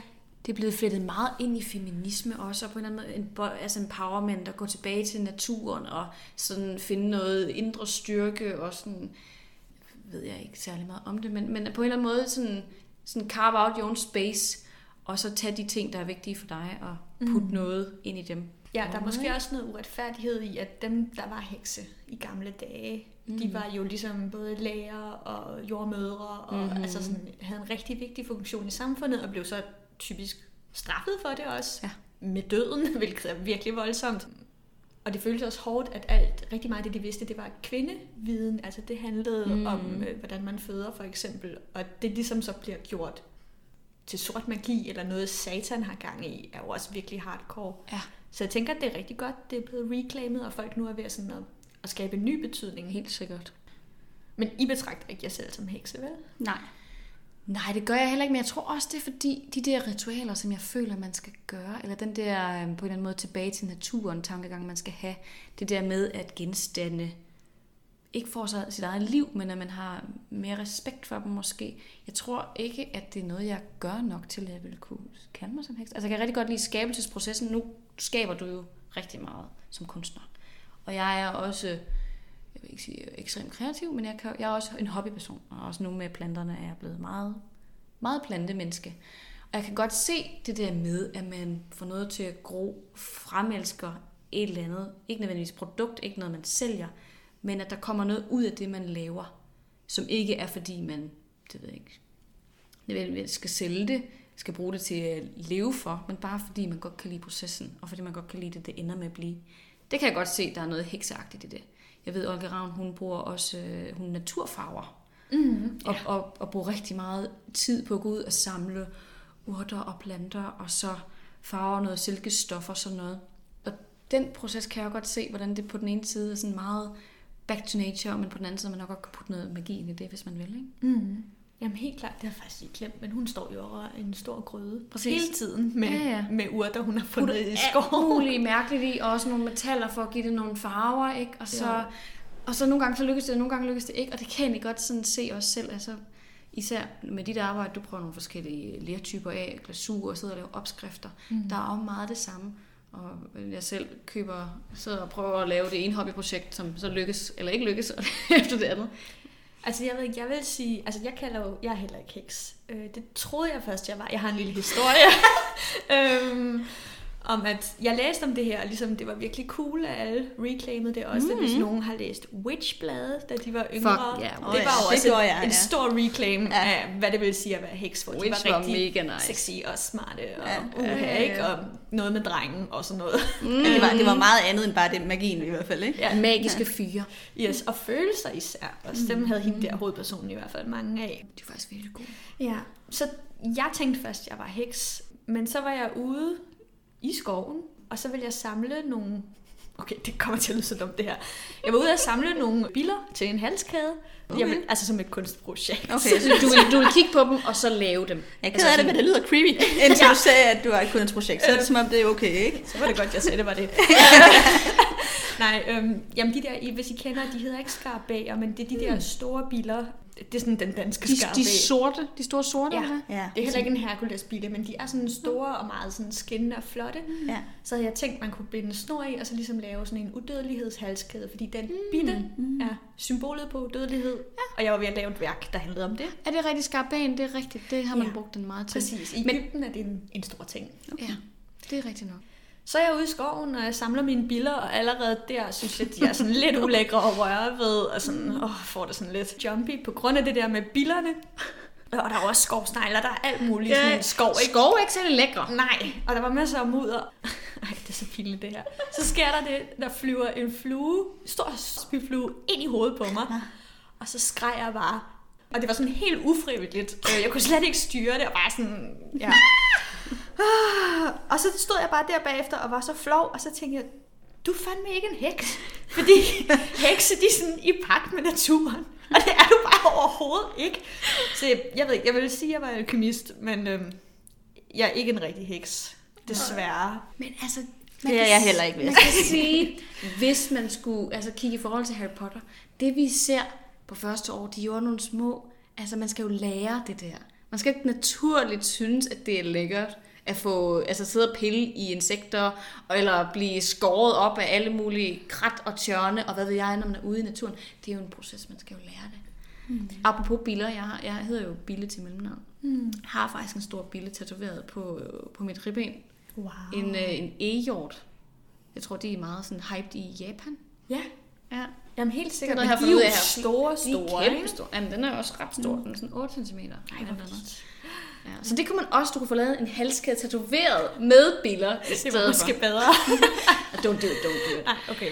Men, men det er ret sjovt. Jeg synes også, det der med billeder, de er ret fascinerende. De har jo også, altså optræder jo også meget i kunst og igennem middelalderen. Har de ikke også været symbol på Jesus måske? Jeg tror, e-jorden har man brugt som sådan et Helt sikkert. symbol på Jesus. Og biller er jo også, alkemistisk synes jeg jo også, de er super spændende, fordi mm. de har, øhm, de er jo helt, de er jo omvendte mennesker, vil jeg sige, de har deres exoskelet udenpå, altså deres krop er knoglerne, mm. altså indeni er der jo kun mush. Ja. Og det er lidt omvendt med os det er mennesker, vi er mushy udenpå, Ja. og så er det hårdt indeni. Mm. Øh, Mm. så de, sådan, de føles virkelig som et meget... Bruger man ikke også piller til at lave noget maling og sådan Du, noget? ja, men det gør Jo, man. cochinille, det er en, en rød bille, Ja. som man bruger også i kosmetik og Ja. farve spejepølser med og Ja, sådan noget. Ja. ja. Og man kan pulverisere dem, og jo også putte dem i elixir. Det tror jeg faktisk også, de gør ret meget i Harry Potter-universet. Så bruger pulveriseret Ja, det bille Det et eller andet, putter det i. Jeg tror, fiskeskæl bruger man også til... Bruger man ikke godt det i makeup? Det føler jeg, man gør. At der er det der sådan regnbue shine fra fiskeskæl, har, har vi i hvert fald brugt til et eller andet. Det kan godt være, jeg, Jeg ved fejl. ikke noget om. Der er i hvert fald noget der. Og, men det er, det er bare... Det er mega sjovt. Men i forhold til det med hekse, så vil jeg sige, det, ja, det er sådan noget, kender I det der, der, man vil gerne kunne være et eller andet, men man er det ikke? Eller sådan, jeg vil også gerne være en type, der kunne holde fast i en surdej, men det er jeg bare ikke. Den dør for mig. Og Det er jo jeg- ret helt sagt, det vil jeg lige sige, hvis man kan holde en så. Ja. Og på samme måde tror jeg, jeg kan, jeg kan ikke, jeg synes tanken om at være heks er ret cool, men det er jeg ikke. Altså, jeg kan ikke, altså, jeg, jeg, jeg kan ikke, det er ikke mig, det der. Altså, jeg er med ikke særlig forbundet til naturen. Det, det test, jeg kommer på, det er, at jeg cykler gennem Amagerfællet, når jeg skal på arbejde. det er simpelthen... Men det er rigtigt nok, ikke? Og det er jo så der, hvor jeg siger, hvis jeg skulle sige, der var noget, som jeg gjorde, som jeg ikke sagde, så vil jeg nok gå tilbage til planterne. Jeg ved godt, jeg er planteobsessed. Jeg har alt for mange, og det synes min kæreste også, jeg har. Men det der med, at man har noget, og du tænker, det her, det kan ikke blive til en skid. Jeg har købt nogle dyre, de var ikke så dyre, nogle, nogle skud hjem fra en anden, som har klippet det af sine øh, monstera. Der er sådan en plantetrend lige nu, hvor at man kan godt lide monstera, der er hvidbrogede. De har sådan nogle hvide striber på. Hvis man ikke kan lide planter, så fatter man ikke. Det her det er meget, meget kedeligt, hvis man ikke kan lide det, det, planter. det er meget stenet. Super nørdet. Det er min anden hobby, det her. Det er det her med planterne. Men jeg har fået sådan nogle, sådan nogle stiklinger hjem af den her hvidbrødede monstera, og nu prøver jeg på at skabe rødder på dem. Og det er også bare sin helt egen proces, fordi der er noget, der hedder water propagation, hvor man skal putte dem i vand, og så kan de skabe rødder på den måde, men det er ikke altid, det virker, og det kan gøre, at rødderne de begynder at rådne. Så nu er jeg gået videre til at prøve at putte dem ned i mos. Og det er faktisk meget heksagtigt, så jeg går sådan hver anden tredje dag, og så fugter det her mos og kigger lige til rødderne. Altså, jeg synes, det lyder sygt botanik. Ja. Harry Potter-agtigt. Ja, det vil jeg også sige, Professor er mere. Spire sidder nu og snakker øh, om Det er det også blevet nu. mandrake. Altså, da jeg gik over til det der, hvad hedder det, da jeg gik over til det her mos, der var sådan, okay, nu begynder du at blive en rigtig nørd. Fordi det er sådan noget med, det er sådan noget mos, som gror ude i moser, som man nok kan bruge, øh, købe i dyredomme. Jeg er begyndt at købe noget, der hedder nimolie fra Indien, og okay. brintovilde kan du også hælde i det der jord, hvis der kommer... Altså, det kan godt være en heks. Jeg tror måske, jeg er en heks. Jeg tror det også. Men altså, det, det er sjovt, apropos hekse og hekserollen, hvordan det har skiftet, ikke? Fordi det er præcis som du siger, dengang vi var børn, der var hekse altså mere af The Wizard of Oz, en lang kroget næse og sådan helt grøn i hovedet, en spidse hat.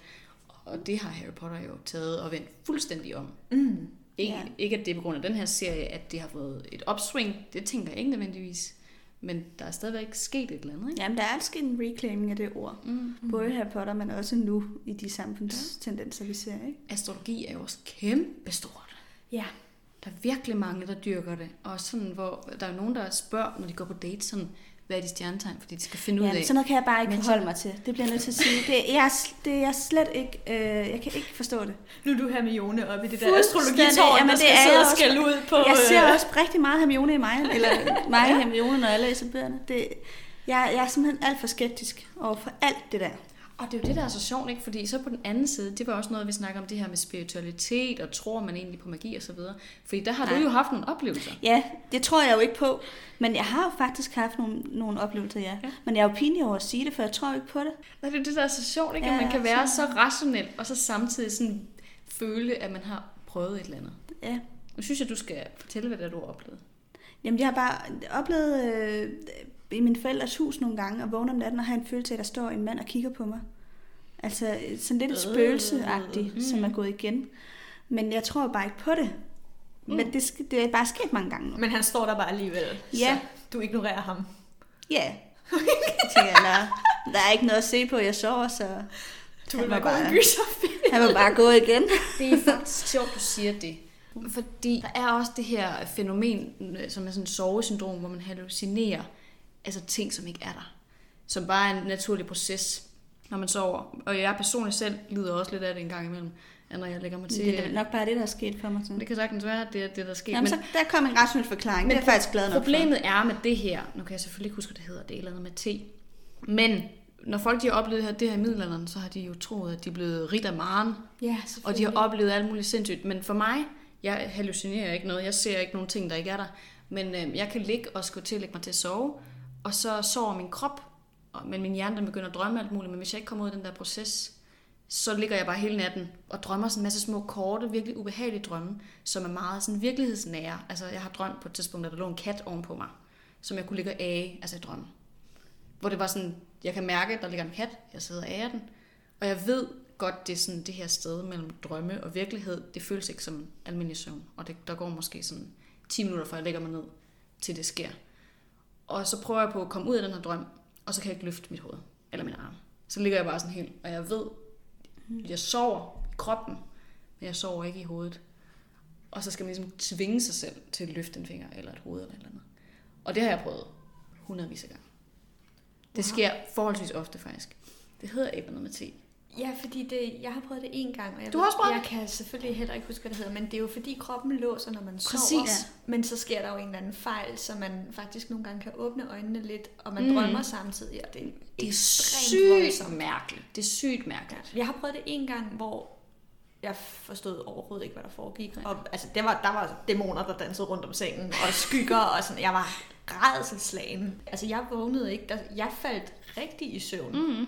Men så næste dag, da jeg stod op, så kunne jeg jo sagtens se, at det var det, der var sket. Men Ja. øh, i middelalderen har det været vildt. Ja. Det har det nemlig skete. været Men det kan jo også være sådan noget, nogle oplevelser, der har gjort, at folk er begyndt at tro på de her ting. Ikke? Mm. Selvfølgelig, fordi jeg ved nemlig også specifikt i forhold til det, du siger med, at du har haft en følelse af, at nogen, der har stået og kigget på dig.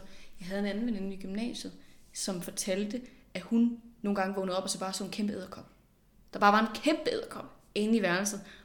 Og så på et eller andet tidspunkt, så vågner hun så rigtig op, og så er den der ikke mere.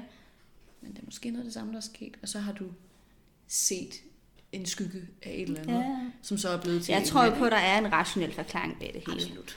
Men det her, det er jo sådan noget, man også virkelig kan komme op og skændes om, ikke? Fordi folk kan godt føle det meget personligt, som om man ikke Ja. tror på deres fortælling. Mm-hmm. Ja, Altså, som, som om, at man siger, men du ved ikke bedre, eller... Altså, det kan hurtigt føles meget pe- personligt. Ja, selvfølgelig. Især hvis man har ligesom fundet svaret i sig selv, og sådan, at det er det her, der er sket.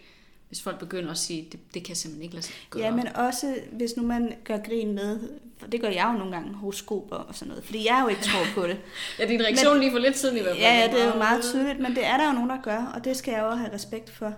Men det er bare, for nogle af det er jo bare noget, der betyder utrolig meget. Det er også for nogen den måde, de altså, ser verden. Det kan jo godt være et verdenssyn, at man deler der mennesker er ja, der- op i stjernetegn og forstår handlinger ud fra stjernetegn. At, man, at, hele Ja, verdens forløb på en eller anden måde kan læses ind i det. Men tror du på det, Clara? Altså det første der, da du sagde det, der får jeg sådan nogle minder til noget hyttetur, hvor øh, nogen skal lege ånden i glasset, og så Ja. skal folk også sidde og fortælle de der historier om, ej, engang så smækkede døren, og så var Ja. min far død, eller altså, Okay, og så voldsom historie på sådan en hyttetur, vil jeg så Ej, sige. det, det er også aldrig, okay. men det er altid noget med sådan en eller anden dør, der klapper, hvor man så sidder og ruller med øjnene, eller det gjorde jeg, Ja, og så bliver man uvenner. ja det gør man Øhm, nemlig. Fordi Ja. man tænker, siger, nej, det er ikke spøgelse, det hedder træk. Der kommer Hermione frem. Ja, det, mm, så... Øhm, nej, men den måde, jeg bruger det på, fordi jeg arbejder jo sindssygt meget med Ja, magi, og jeg tror også, jeg har en... jeg var jo skuffet over ikke at komme på Hogwarts. Ja, jeg var barn. det var jeg Så- også, Ja, jeg det var vi Ja, alle ja. sammen. Jeg ikke? tror, jeg var for gammel. jeg, der var ikke kommet noget brev på det tidspunkt. så- Nej, jeg skrev mit eget brev. I love it. ja, det kender jeg flere, der har gjort. Og så sendte det til dig selv, eller hvordan? Ja. No. Men Perfekt. ikke med en ulve. øhm, Det synes jeg er genialt. Ja, men så jeg har arbejdet meget med, hvordan øh, man ligesom kunne forstå magi på en måde, der stadig giver mening. Jeg tænker jo, at det giver mening i forhold til mig, at det er meget forbundet med kunst. For eksempel, når jeg lægger tarotkort, og det gør jeg tit, øh, og jeg synes, det er mega sjovt. Jeg tror jo ikke, der er nogen guddommelig kraft, der styrer dem, eller giver mig svarene. Jeg tænker meget på det som kunst. Mm. Øh, den måde, når man ser for eksempel et maleri, og så øhm, finder man ud af inde i sig selv, hvad betyder det her, hvad betyder det for mig? Og folk kan se det samme maleri, tænke forskellige ting. Mm. Det er fuldstændig det samme, tænker jeg med tarotkort. Det er ikke, der er ikke nogen guddommelig hånd, men det er et sjovt perspektiv at få på, altså lidt ligesom en Magic 8-ball, kender I dem? Det er sådan en stor en, en, en billiardkugle, man ryster, og så kommer der sådan et, Ja. et lille svar i bunden på et spørgsmål. Mm. Så jeg kan enormt godt lide, at jeg kan stille et spørgsmål, så kan jeg trække et kort, et billedkort, og så ud fra det kort, kan jeg så selv tolke et kunstnerisk svar. Det bliver sådan lidt kringlet, men Nej, jeg synes faktisk, det giver mening. Jeg kan ja, det synes jeg er mener. enormt sjovt, og også at det er jo bare kort, ikke? så man skal ikke... Du skal ikke leve dit liv efter dem, hvis der står... Nej, du det skal slå op... Det, det er jo ikke fordi... Skal jeg slå op med min kæreste, så får man den hængte mand. Og så siger man, fuck, okay, men det skal jeg så. Det er ikke sådan, man skal gøre det. det er ikke sådan, du skal leve dit liv, at du får et Det kort. hørte jeg faktisk. Jeg hørte masser af Monopolet. Det kan jeg godt lide at høre en gang imellem. Og der hørte jeg øh, faktisk, at Uffe Bukart sagde, at hver gang han var i tvivl, om han skulle slå op med sin kæreste, så hørte han radio, og så kom der altid sangen Freedom. Wow. Og så vidste han, så er det nu. Det er jo det samme, Ja, ikke? ja, ja. Men jeg har, har faktisk godt... Altså, jeg synes jo, øh, da jeg var yngre, der synes jeg også, tarotkort var virkelig nice, fordi de ser jo mega fede. Mm. Altså designet er jo virkelig fedt, og har også tegnet efter tarotkort. Jeg følger faktisk også en del hekse på Instagram. Og også nogen, der også bruger symbolikken på forskellige måder og sådan noget. Og der synes jeg også, det var ret sjovt at lægge de der... Det var så online, jeg har aldrig ejet et sæt selv. Men sidde og, og lægge dem og stille dem spørgsmål og, og sådan, okay, og hvad kunne det lige betyde? Og det der med, at man på en eller anden måde får et eller andet perspektiv på problemet, man har. Mm. Man er sådan, okay, skal jeg slå mig med min kæreste? Skal jeg skifte job? Skal jeg flytte et andet sted hen? Skal jeg købe den her plante til 1000 kroner? Ja. Hvad det er, ikke? Det har jeg gjort, bare roligt. Men klassisk, klassisk spørgsmål, man Klassisk stiller sig selv. spørgsmål. øhm, men Står vi alle sammen i hele tiden. så ligger man de her kort, og man er sådan, okay, det her, det tyder på noget. Hvordan har jeg det med det svar? Mm. Hvad, synes, hvad, hvad føler jeg, mm. når, når, når kortene foreslår det her? Ikke? Et forslag i godsøjne. Det synes jeg egentlig er meget sjovt, fordi du får sådan set en problematik fra forskellige vinkler. Så kan det være, at du gør det igen, og får et andet resultat. Tænker, Nå, okay, hvad med det her så? Hvordan giver det mening? Det synes jeg egentlig er en meget sjov måde at gøre det på. Jeg kunne faktisk godt tænke mig at have et tarotkortsæt. Men min kæreste, han er meget rationel, meget Amalie. Ja, ja, men jeg kan slet ikke relatere til det der. Nej, han ville også være sådan, du er fuldstændig vanvittig. Ja. Hvis jeg gik hjem til ham og sagde, at jeg var blevet heks, så havde han været sådan, Nana, nej. Jamen, det vil jeg nok også. Ej, jeg, ikke, ikke, ikke det, jeg kalder dig heks, for det kan jeg egentlig godt lide. Men, men nok... Jeg, du jeg, jeg, jeg, ja, det vil have det lidt svært med, faktisk. Hvis man troede, du på, troede på det. at man fik, at de gav en svaret, så ja, hvis det var sådan en, nu har jeg læst fremtiden, eller på en eller anden måde fået en guddommelig kraft til at forklare mig noget, så ja, men hvis man, hvis man bruger det lidt som en metode til sådan at afprøve forskellige perspektiver, det synes jeg egentlig godt, jeg kan se mm. pointen med. Her vil jeg også tilføje, at man skal jo aldrig stille et ja-nej-spørgsmål, som skal Nej. slå op med min kæreste, fordi så kan man bare flippe mønt. Øhm, Man skal stille mere åbne spørgsmål, som hvordan kommer det til at gå fremover i mit forhold. Så Ja. får man et kort, og så kan man tolke derudfra, når det er månen, det vil sige noget med indadvendthed, eller Mm. og hvad kan det så betyde? Betyder det, at jeg ikke kigger nok indad? Betyder det, at min kæreste mm. ikke kigger nok indad? Eller bla bla. Så mere sådan, mm. også fordi, så kan man altid tolke det på flere måder, så man har flere udveje. Det Men, giver, men så er det jo sidst ende også ens egen beslutning, ikke? Altså, hvordan, hvad, hvad for en tolkning man går med. Det og det er jo nok den tolkning, der ligger i, en. Altså, Mm-hmm. Jamen helt klart, jeg har Ja. ja. engang læst tarotkort med min ven, som også er rigtig dygtig til det, og vi, mm. altså, vi trak det samme kort, vi læste dem jo fuldstændig forskelligt, og han er også kunstner, så det var, sådan, det var virkelig fedt at prøve. Men altså, jeg er slet ikke på team rationel, nej, men det ikke, er også fair men ikke fordi jeg tror på Gud eller noget, men øhm, jeg hører et podcast, der hedder Det Spirituelle Hjørne, det med en journalist, som interviewer forskellige, alle mulige. Altså folk, der ved noget om aura, og folk, der er astrologer, mm. og det hele. Ikke? Og hun har sådan en dejlig måde, hvor hun ikke skal være kritisk. Hvor hun bare hun går ind med præmissen, når hun møder de her folk. Det er meget altså, svært. Vi tror bare, vi har aftalt på forhånd, ja, selvfølgelig findes det her. Og så stiller hun mm. dem spørgsmål inden for deres felt, mm. og det er en, det synes jeg aldrig, de gør på P1 for eksempel. Nej, men det er faktisk en meget god indgangsvinkel, ikke? Jo, helt klart. Også fordi så er de jo ikke defensive. Nej. Hvis man skal sidde og bevise noget. Øhm. Man får kun én vinkel. Hvis den vinkel er, er at sige, jeg tror ikke på det her, så bliver det fokus på, hvordan kan jeg bevise dig eller bevise over for dig, at det ja, gør, lige præcis. Ja. At det, så bliver man ved med at prikke til dem og sige, du skal forklare mig det her, du skal forklare mig det her, hvordan hænger det sammen? Ikke? Mm. Altså. Ja. Det, der er det interessante, er, når hun så interviewer en person, der for eksempel ved noget om aura, mm. øh, så siger den her person, når du træder ind i et rum, så kan du så kan, man kan jo påvirke andre personer. Hvis der er en, der er helt vildt vred, så kan alle mærke det med det samme. Mm, det er ja. rigtigt. Og så synes jeg jo, på den ene så synes jeg, det er fjollet, eller hun må gerne kalde det aura. Og det vil jeg ikke kalde det. Men det er jo også rigtigt. Ja. Også selvom man måske ikke kan forklare videnskabeligt, at de udsender bølger, eller hvad fanden mm. der foregår. Men jo, det har vi alle sammen prøvet. At sidde ja. sammen med nogen, vi allerede kan mærke, du er farlig, eller mm. du er for fed, eller... Øhm, så du har dårlige sige, intentioner. Ja, så altså, jeg tror overhovedet ikke på sådan, det videnskabelige perspektiv er det eneste eller det bedste perspektiv altid at have på ting. Nej, det er rigtigt. Man kan i hvert fald godt komme til at overse nogle ting, for du er fuldstændig ret. Altså, at aura og sindstemninger kan være, altså, kan være det samme, alt efter hvordan man... Det er jo bare, hvilke ord man bruger til at beskrive det. Hvad er terminologien? Okay, men det kan vi jo alle sammen mærke. Der er jo nogle mennesker, de sluger jo bare energien ud af et rum, uden at man kan sætte finger på, hvordan de gør lige det. præcis. Og man siger jo faktisk, altså, når man forklarer følelser over for børn, så giver man jo også farver. Også i kunst, ikke?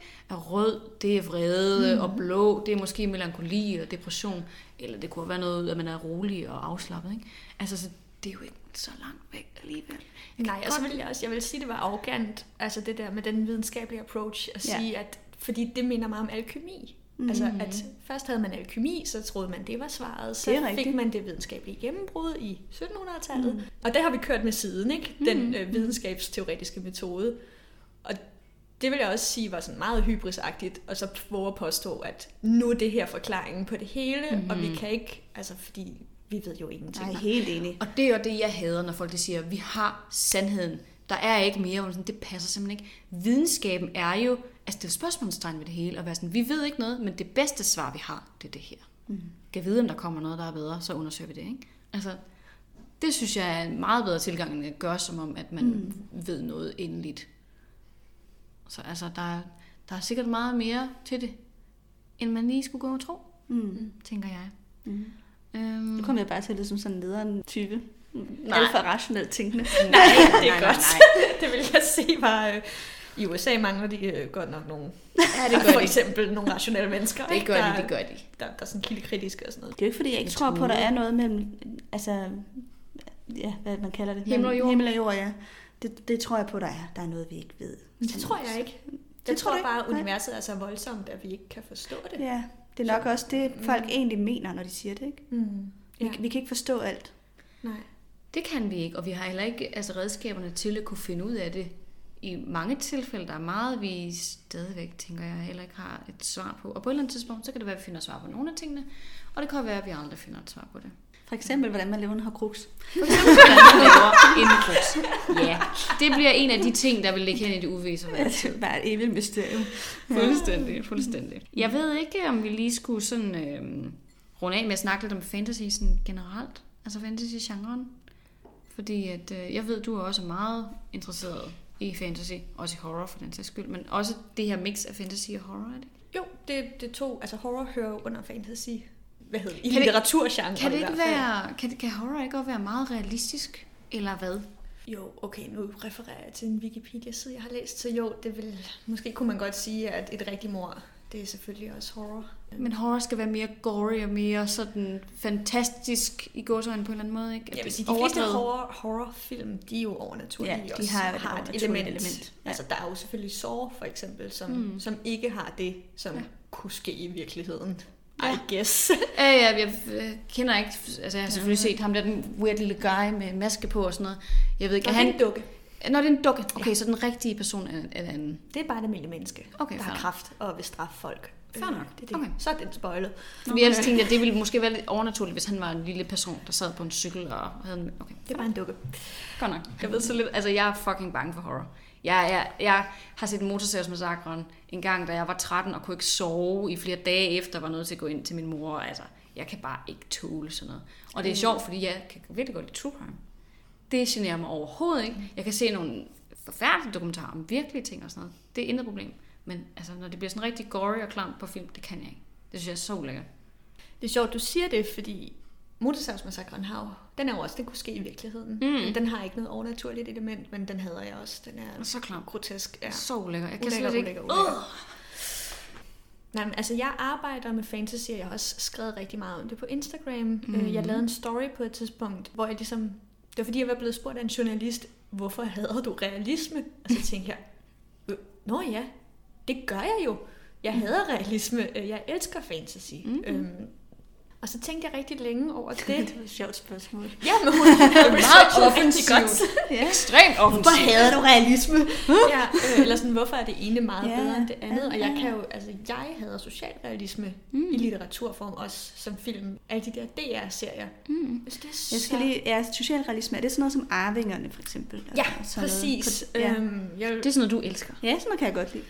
Ej, det, Det er du ikke til. Nej, Nej, det er jeg nemlig så Nej. ikke til. Og der er også mange, der kan lide begge dele. ja, det er kan nok, jeg også, vil jeg sige. Det er nok det mest normale også. Og- Jeg, jeg tror for mig, at sådan nogle ting kan godt blive meget hurtigt sådan noget, øh, jeg ved ikke, om jeg skal kalde det følelsesporno, men når man skal sidde og have meget ondt af nogen, det kan meget hurtigt blive sådan en, en eller anden stakkels, Åh, det synes jeg ikke, det behøver at være. ikke nødvendigvis, men Nej. der er i hvert fald noget af det, der hurtigt bliver sådan meget på den måde. Jeg ved ikke, jeg tror, jeg kom frem til, at det minder mig alt for meget om virkeligheden. Mm. Og det er jo også vildt forskelligt. Altså hvis man ser R, den der meget hårde fængselsfilm med Pilo Asbæk, det har jo ikke noget med mit liv at gøre. Men det skræmmer mig, at en af dem, der spiller med, han har jo været indsat, og han har mm. været eksperten. Så alt det, der sker i den film, er i princippet sandt. Det kan jeg slet ikke holde ud at tænke på. Og det, jeg, det er heller ikke, igen, det er ikke et univers, jeg har lyst til at befinde mig i, fordi jeg lever mig så meget ind i det. Mm. Det samme med arvingerne. Det eneste, der sker, når jeg ser den serie, det er, at jeg tænker, bliver mig og mine søskende sådan, når vores mm. forældre dør? Og, sådan, og, og det er hårdt at sidde og tænke på. Ja. Og så er der jo også nogle dokumentarer, nemlig i tråd med arvingerne, som det er lavet med rigtige mennesker, der ikke kan finde ud af at dele mm. den, og nu ikke kan snakke med hinanden. Og jeg, ved, jeg har ikke lyst, jeg, det er nok lidt kujonagtigt, jeg har ikke lyst til at beskæftige mig med det. Og det er også, jeg synes, den her verden er sådan lidt flad nogle gange. Altså det med mm. Mm. at stå på borgerservice, det er sådan det mest deprimerende. Ja, Eller sådan handle ind i. Netto. Jeg synes, det er en Ja. rædselsfuld oplevelse. Æstetisk. Og det værste er det meste. Ja, man går ikke i en er netto for at få en flot oplevelse, det vil jeg Nej. så sige. Det er rigtigt. Nej, og det er sådan, fuck, der er meget i livet, der er sådan. Der er virkelig meget, der er opvask og bananfluer. Vi har lige haft en bananflueinfestation, og den er der stadigvæk. Altså, der er mm. så meget af det, der bare er nederen og gråt og corona-agtigt. Ja, og derfor så har jeg, jeg har bare altid søgt det, siden jeg var lille. Og så tror jeg, at de fleste slipper det, når de bliver voksne. Jeg har bare så overhovedet ikke sluppet det. Jeg har makset ud i, mit, i mit job og i min kunstneriske praksis. Og ja, så det er derfor, altså Harry Potter er super fantastisk for mig, især på grund af worldbuildingen. Og så også det med noget, der også altid gør mig enormt glad, når man læser sådan noget. Det er, at det hele er jo fundet på en, der bor i den her verden. Ja. Og det synes jeg er stort altid at tænke på, at man kan forestille sig alt. Der er ikke nogen grænser. Ja, så det tror jeg derfor, jeg er draget imod den genre. Ja, det kan jeg Det godt forstå. jeg. Jeg tror, der er mange, nu taler jeg også på vegne af, jeg tror mange af vores lyttere også har det sådan, ikke? At det, der, det har jeg også selv, der med at drømme sig ind i sådan en anden verden, som man godt ved er fantasi, Ja. men som stadigvæk er øh, relaterbar. Man får lov til at slippe lev på stegen. Ja, men det er stadig relaterbart. Det er ikke, det er ikke for langt væk alligevel, når alt kommer til alt, ikke? Altså, hvert fald ikke lige Harry Potter-universet. Nej, det er der måske så andre universer, der er, det ved jeg ikke, men, men jeg tror i hvert fald, det er også derfor, Harry Potter er meget populært, fordi det, det er det fantastiske, og det, det er ikke hverdagsagtige, mm. men på en måde, som vi kan se os i. Læser du, har du læst andet fantasy end Harry Potter? Ja, hvad det har har du læst for noget? Jeg har læst Hobbiten, og jeg har læst øhm, mange af altså sådan nogle af de der ungdomslitteratur ting, ikke? Altså sådan noget... Du har læst Game of. Thrones, Ja, det gyldne kompas for eksempel, ikke? Det, øh, Ja, Game of Thrones, hele serien Game of Thrones har jeg også læst. Jeg, jeg kan også godt lide fantasy. Det kan Altså, jeg. jeg har som barn dyrket det ekstremt meget. Og Og jeg øh, gik øh, ofte på biblioteket og sad der i mange timer, og så begyndte jeg så at sidde og pille i alle de der sådan, folklore-ting og fabeldyr, og sad og læste op på, hvad er vampyrer, hvad er drager? Åh, oh, okay, havfruer. Når så har man lavet en eller anden abe, som man, altså de der sådan, man så har fundet de der falske havfruer, hvor det er halvt en abe og en fisk, man har sat sammen, og så er der nogen, der har solgt det som et eller andet, en udstoppet havfru, ikke? Altså, øh, det synes jeg var så fedt, at jeg var også sådan som barn, jeg ville ønske, jeg lavede i middelalderen, fordi så ville jeg tro på, at magi var rigtig. Sådan havde jeg det virkelig som barn. Og that, I'm not kidding. Og så har jeg lagt det væk, tror jeg, måske i nogle år, fordi jeg også har været sådan, det er sgu ret pinligt. Jeg var hende, der havde Harry Potter med i folkeskolen, og sad og læste det i frokostpausen, fordi jeg synes, det var så fedt. Og så tænkte jeg, okay, det er godt, at vi skal pakke det lidt væk. Det er måske ikke nødvendigt længere. Og så, så tror jeg bare, at jeg blev ved med stadigvæk øh, litteraturmæssigt at sådan læse de der bøger, og mm. det, ved jeg ikke, det, det er ret fantastisk, hvad det er folk, de kan forestille sig. Mm. Altså det, det synes jeg er så vildt. Jeg genbesøgte Skammerserien. Den her var jeg vild med som barn. Den er svær at læse nu. Ja, nu er det noget andet jo, men jeg synes alligevel, det var lidt hyggeligt lige at genlæse den. Men det tænker jeg også, at problemet er, at jeg tænker med Skammerens datter det der, det er, at de skrev mig et børnesprog. Ja, det er det. Fordi det jeg har nemlig også forsøgt at læse dem som mere sådan tween-agtig teenager. Mm. Hvor Men det, det er var... en børnebog, hvor Harry Potter er mere en voksenbog. Ja, det er, Harry Potter er skrevet i et sprog, som man mm. godt kan holde ud at læse, når man er på vores alder, mm. men den er næsten for simpel, synes jeg, altså skammer-serien. Ja, det er den. Ja. Men den er god stadigvæk. Det siger jeg ikke. Nej, Universet er stadigvæk nej, nej. rigtig fint. Men det er noget andet, det er rigtigt. Mm. Mm. Der er virkelig ja. meget godt fantasy derude. Hvad, hvad læser du ellers? Kan vi, kan vi få nogle recommendations jeg her anbefalinger, til måske. sidst? Så vil jeg gerne, voksen. jeg vil rigtig gerne, jeg har først lige nu læst Earthsea, mm. Jordhavets øh, kvartetten af Ursula K. Le Guin, og den er rigtig god. Jeg er så vred over, at jeg først har læst dem nu, fordi mm. det er ikke en del af mit barne-DNA. Og jeg tror jo, at de ting, man læser som barn, mm. det gør meget voldsommere indtryk. Og jeg er så hissig over, at det ikke er et værk, man læser i Danmark. Mm. Altså, det er, ikke, det er ikke en del af nogen samling, det er ikke en del af den fælles bevidsthed. Og hold da op, de er virkelig gode. Og hvad øhm, siger du, de hedder? Den hedder Jordhavet på dansk, men okay. du kan ikke købe den på dansk. Nå, Så på okay. engelsk hedder den Earth Sea. Jeg tror, jeg har læst den måske engang for mange år siden på mit eget bibliotek. Jeg gætter på, at det var på dansk. Jamen, den findes også. Den er blevet udgivet en gang i 80'erne.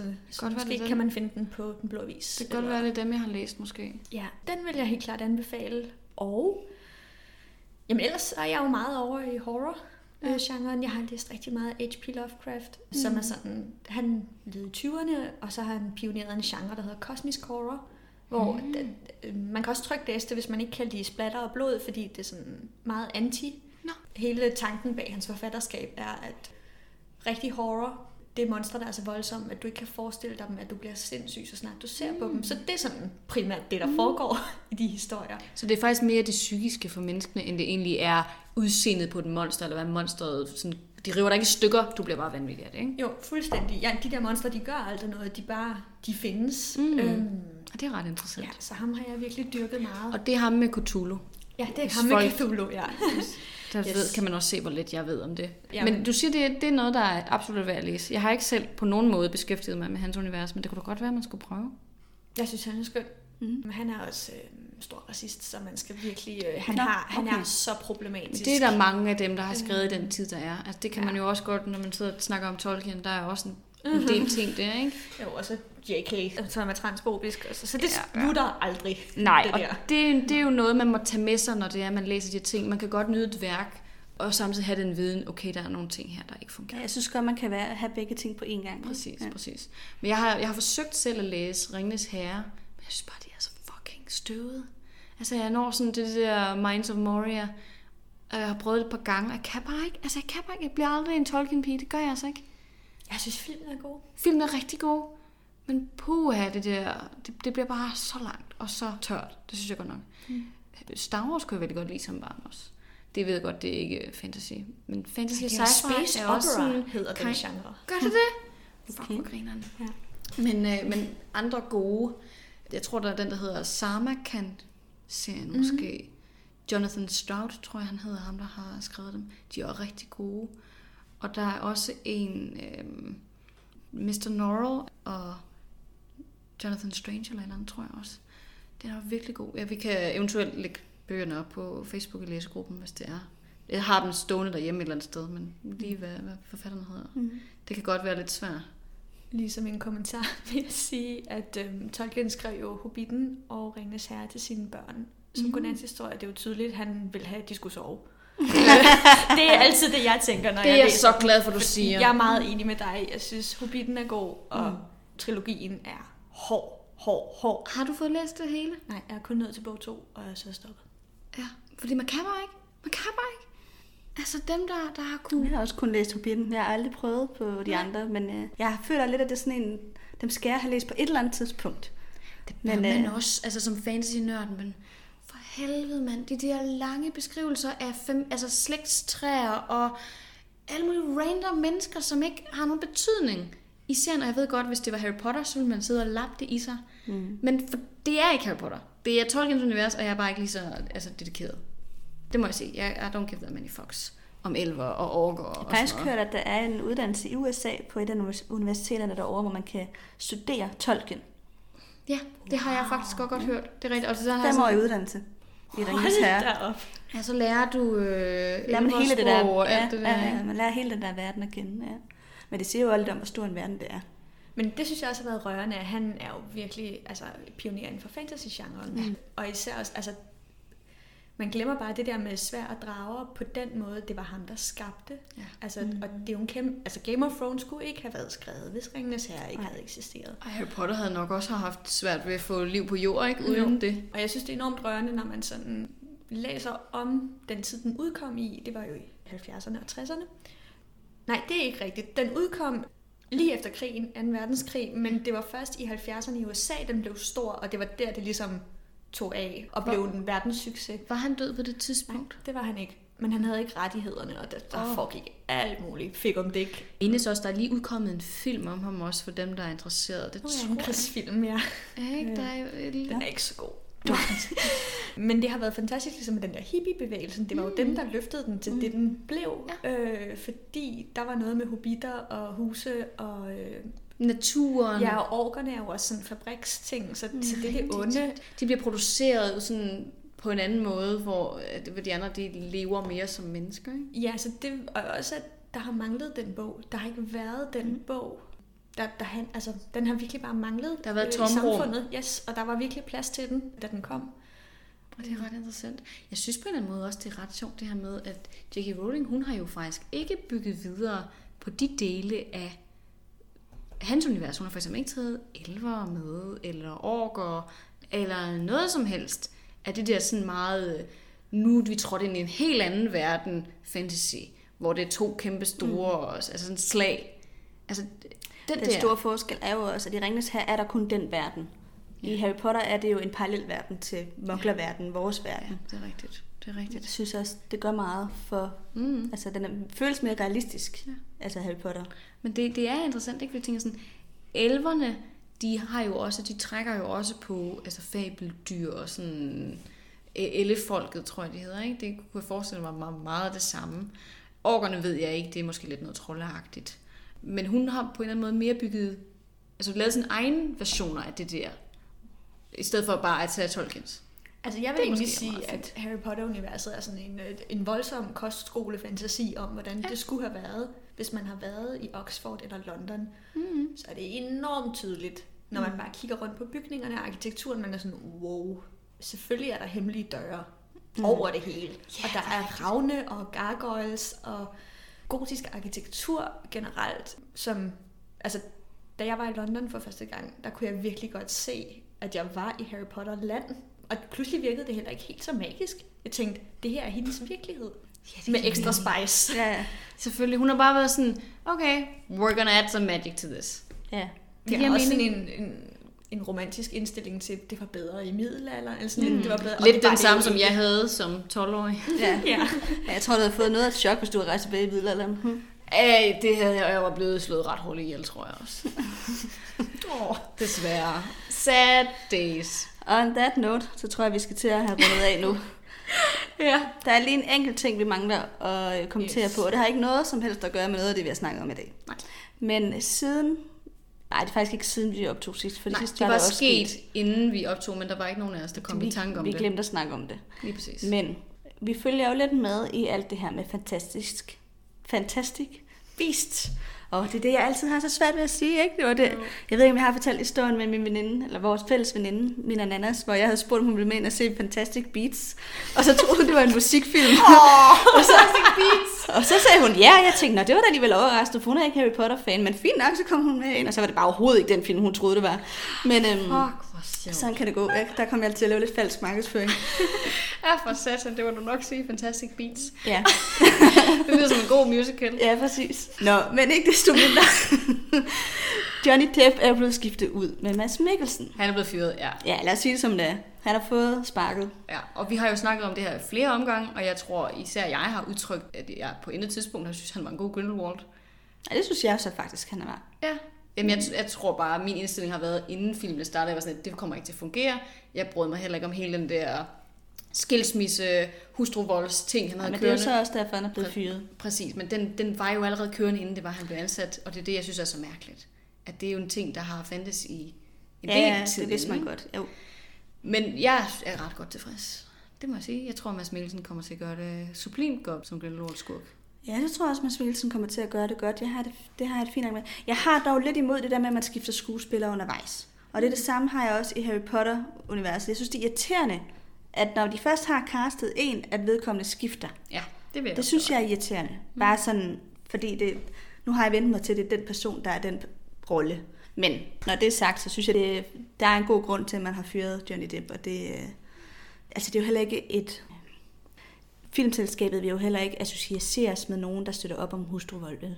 Nej, Altså man kan jo godt forstå det. det er rigtigt. Og jeg ved ikke sådan de legale sider op og ned i den her sag. Nej, han er vist ikke blevet dømt endnu, er han det? Nej, altså jeg tror, det retssagen gik ud på, var, at der er en avis, der hedder The Sun, som ja. har kaldt ham wife beater. Mm. Så har han sagsøgt dem og sagt, det må I ikke sige, det er slander. Det er så det, retssagen har handlet om. Og så skulle de jo ligesom snakke om, "Men har han slået hende eller ej? Det skulle han jo så bevise, han ikke havde. Det kunne han så sjovt nok ikke. Så de har jo fået, det dommen går på, er bare, at The Sun godt må kalde ham wife beater. Mm-hmm. Og det siger jo så ligesom noget om ham som Ja. menneske. Det gør det, og der er også der har også været billeder af hendes ansigt helt forslået og sådan ude Ja. på Jeg internettet. læste, der havde været 13 episoder, hvor de havde været oppe og slås, og sådan halvdelen af dem kunne han ikke huske, fordi han havde været så fuld. Og så, at det, det lød ikke godt, Ej. Når man læste det. Nej. Når det er sagt, hvis man ikke er dømt, så skal man også passe på med at... Det er nu rigtigt. er han jo Jamen der. er han dømt nu? Okay. Det går jeg ud fra. Ej, det ved jeg så Der er i hvert fald sket et eller andet, der har gjort, at Warner Brothers de, øh, har valgt at dumpe ham. Og det kan godt være, fordi The Sun har fået lov til at kalde ham wife beater.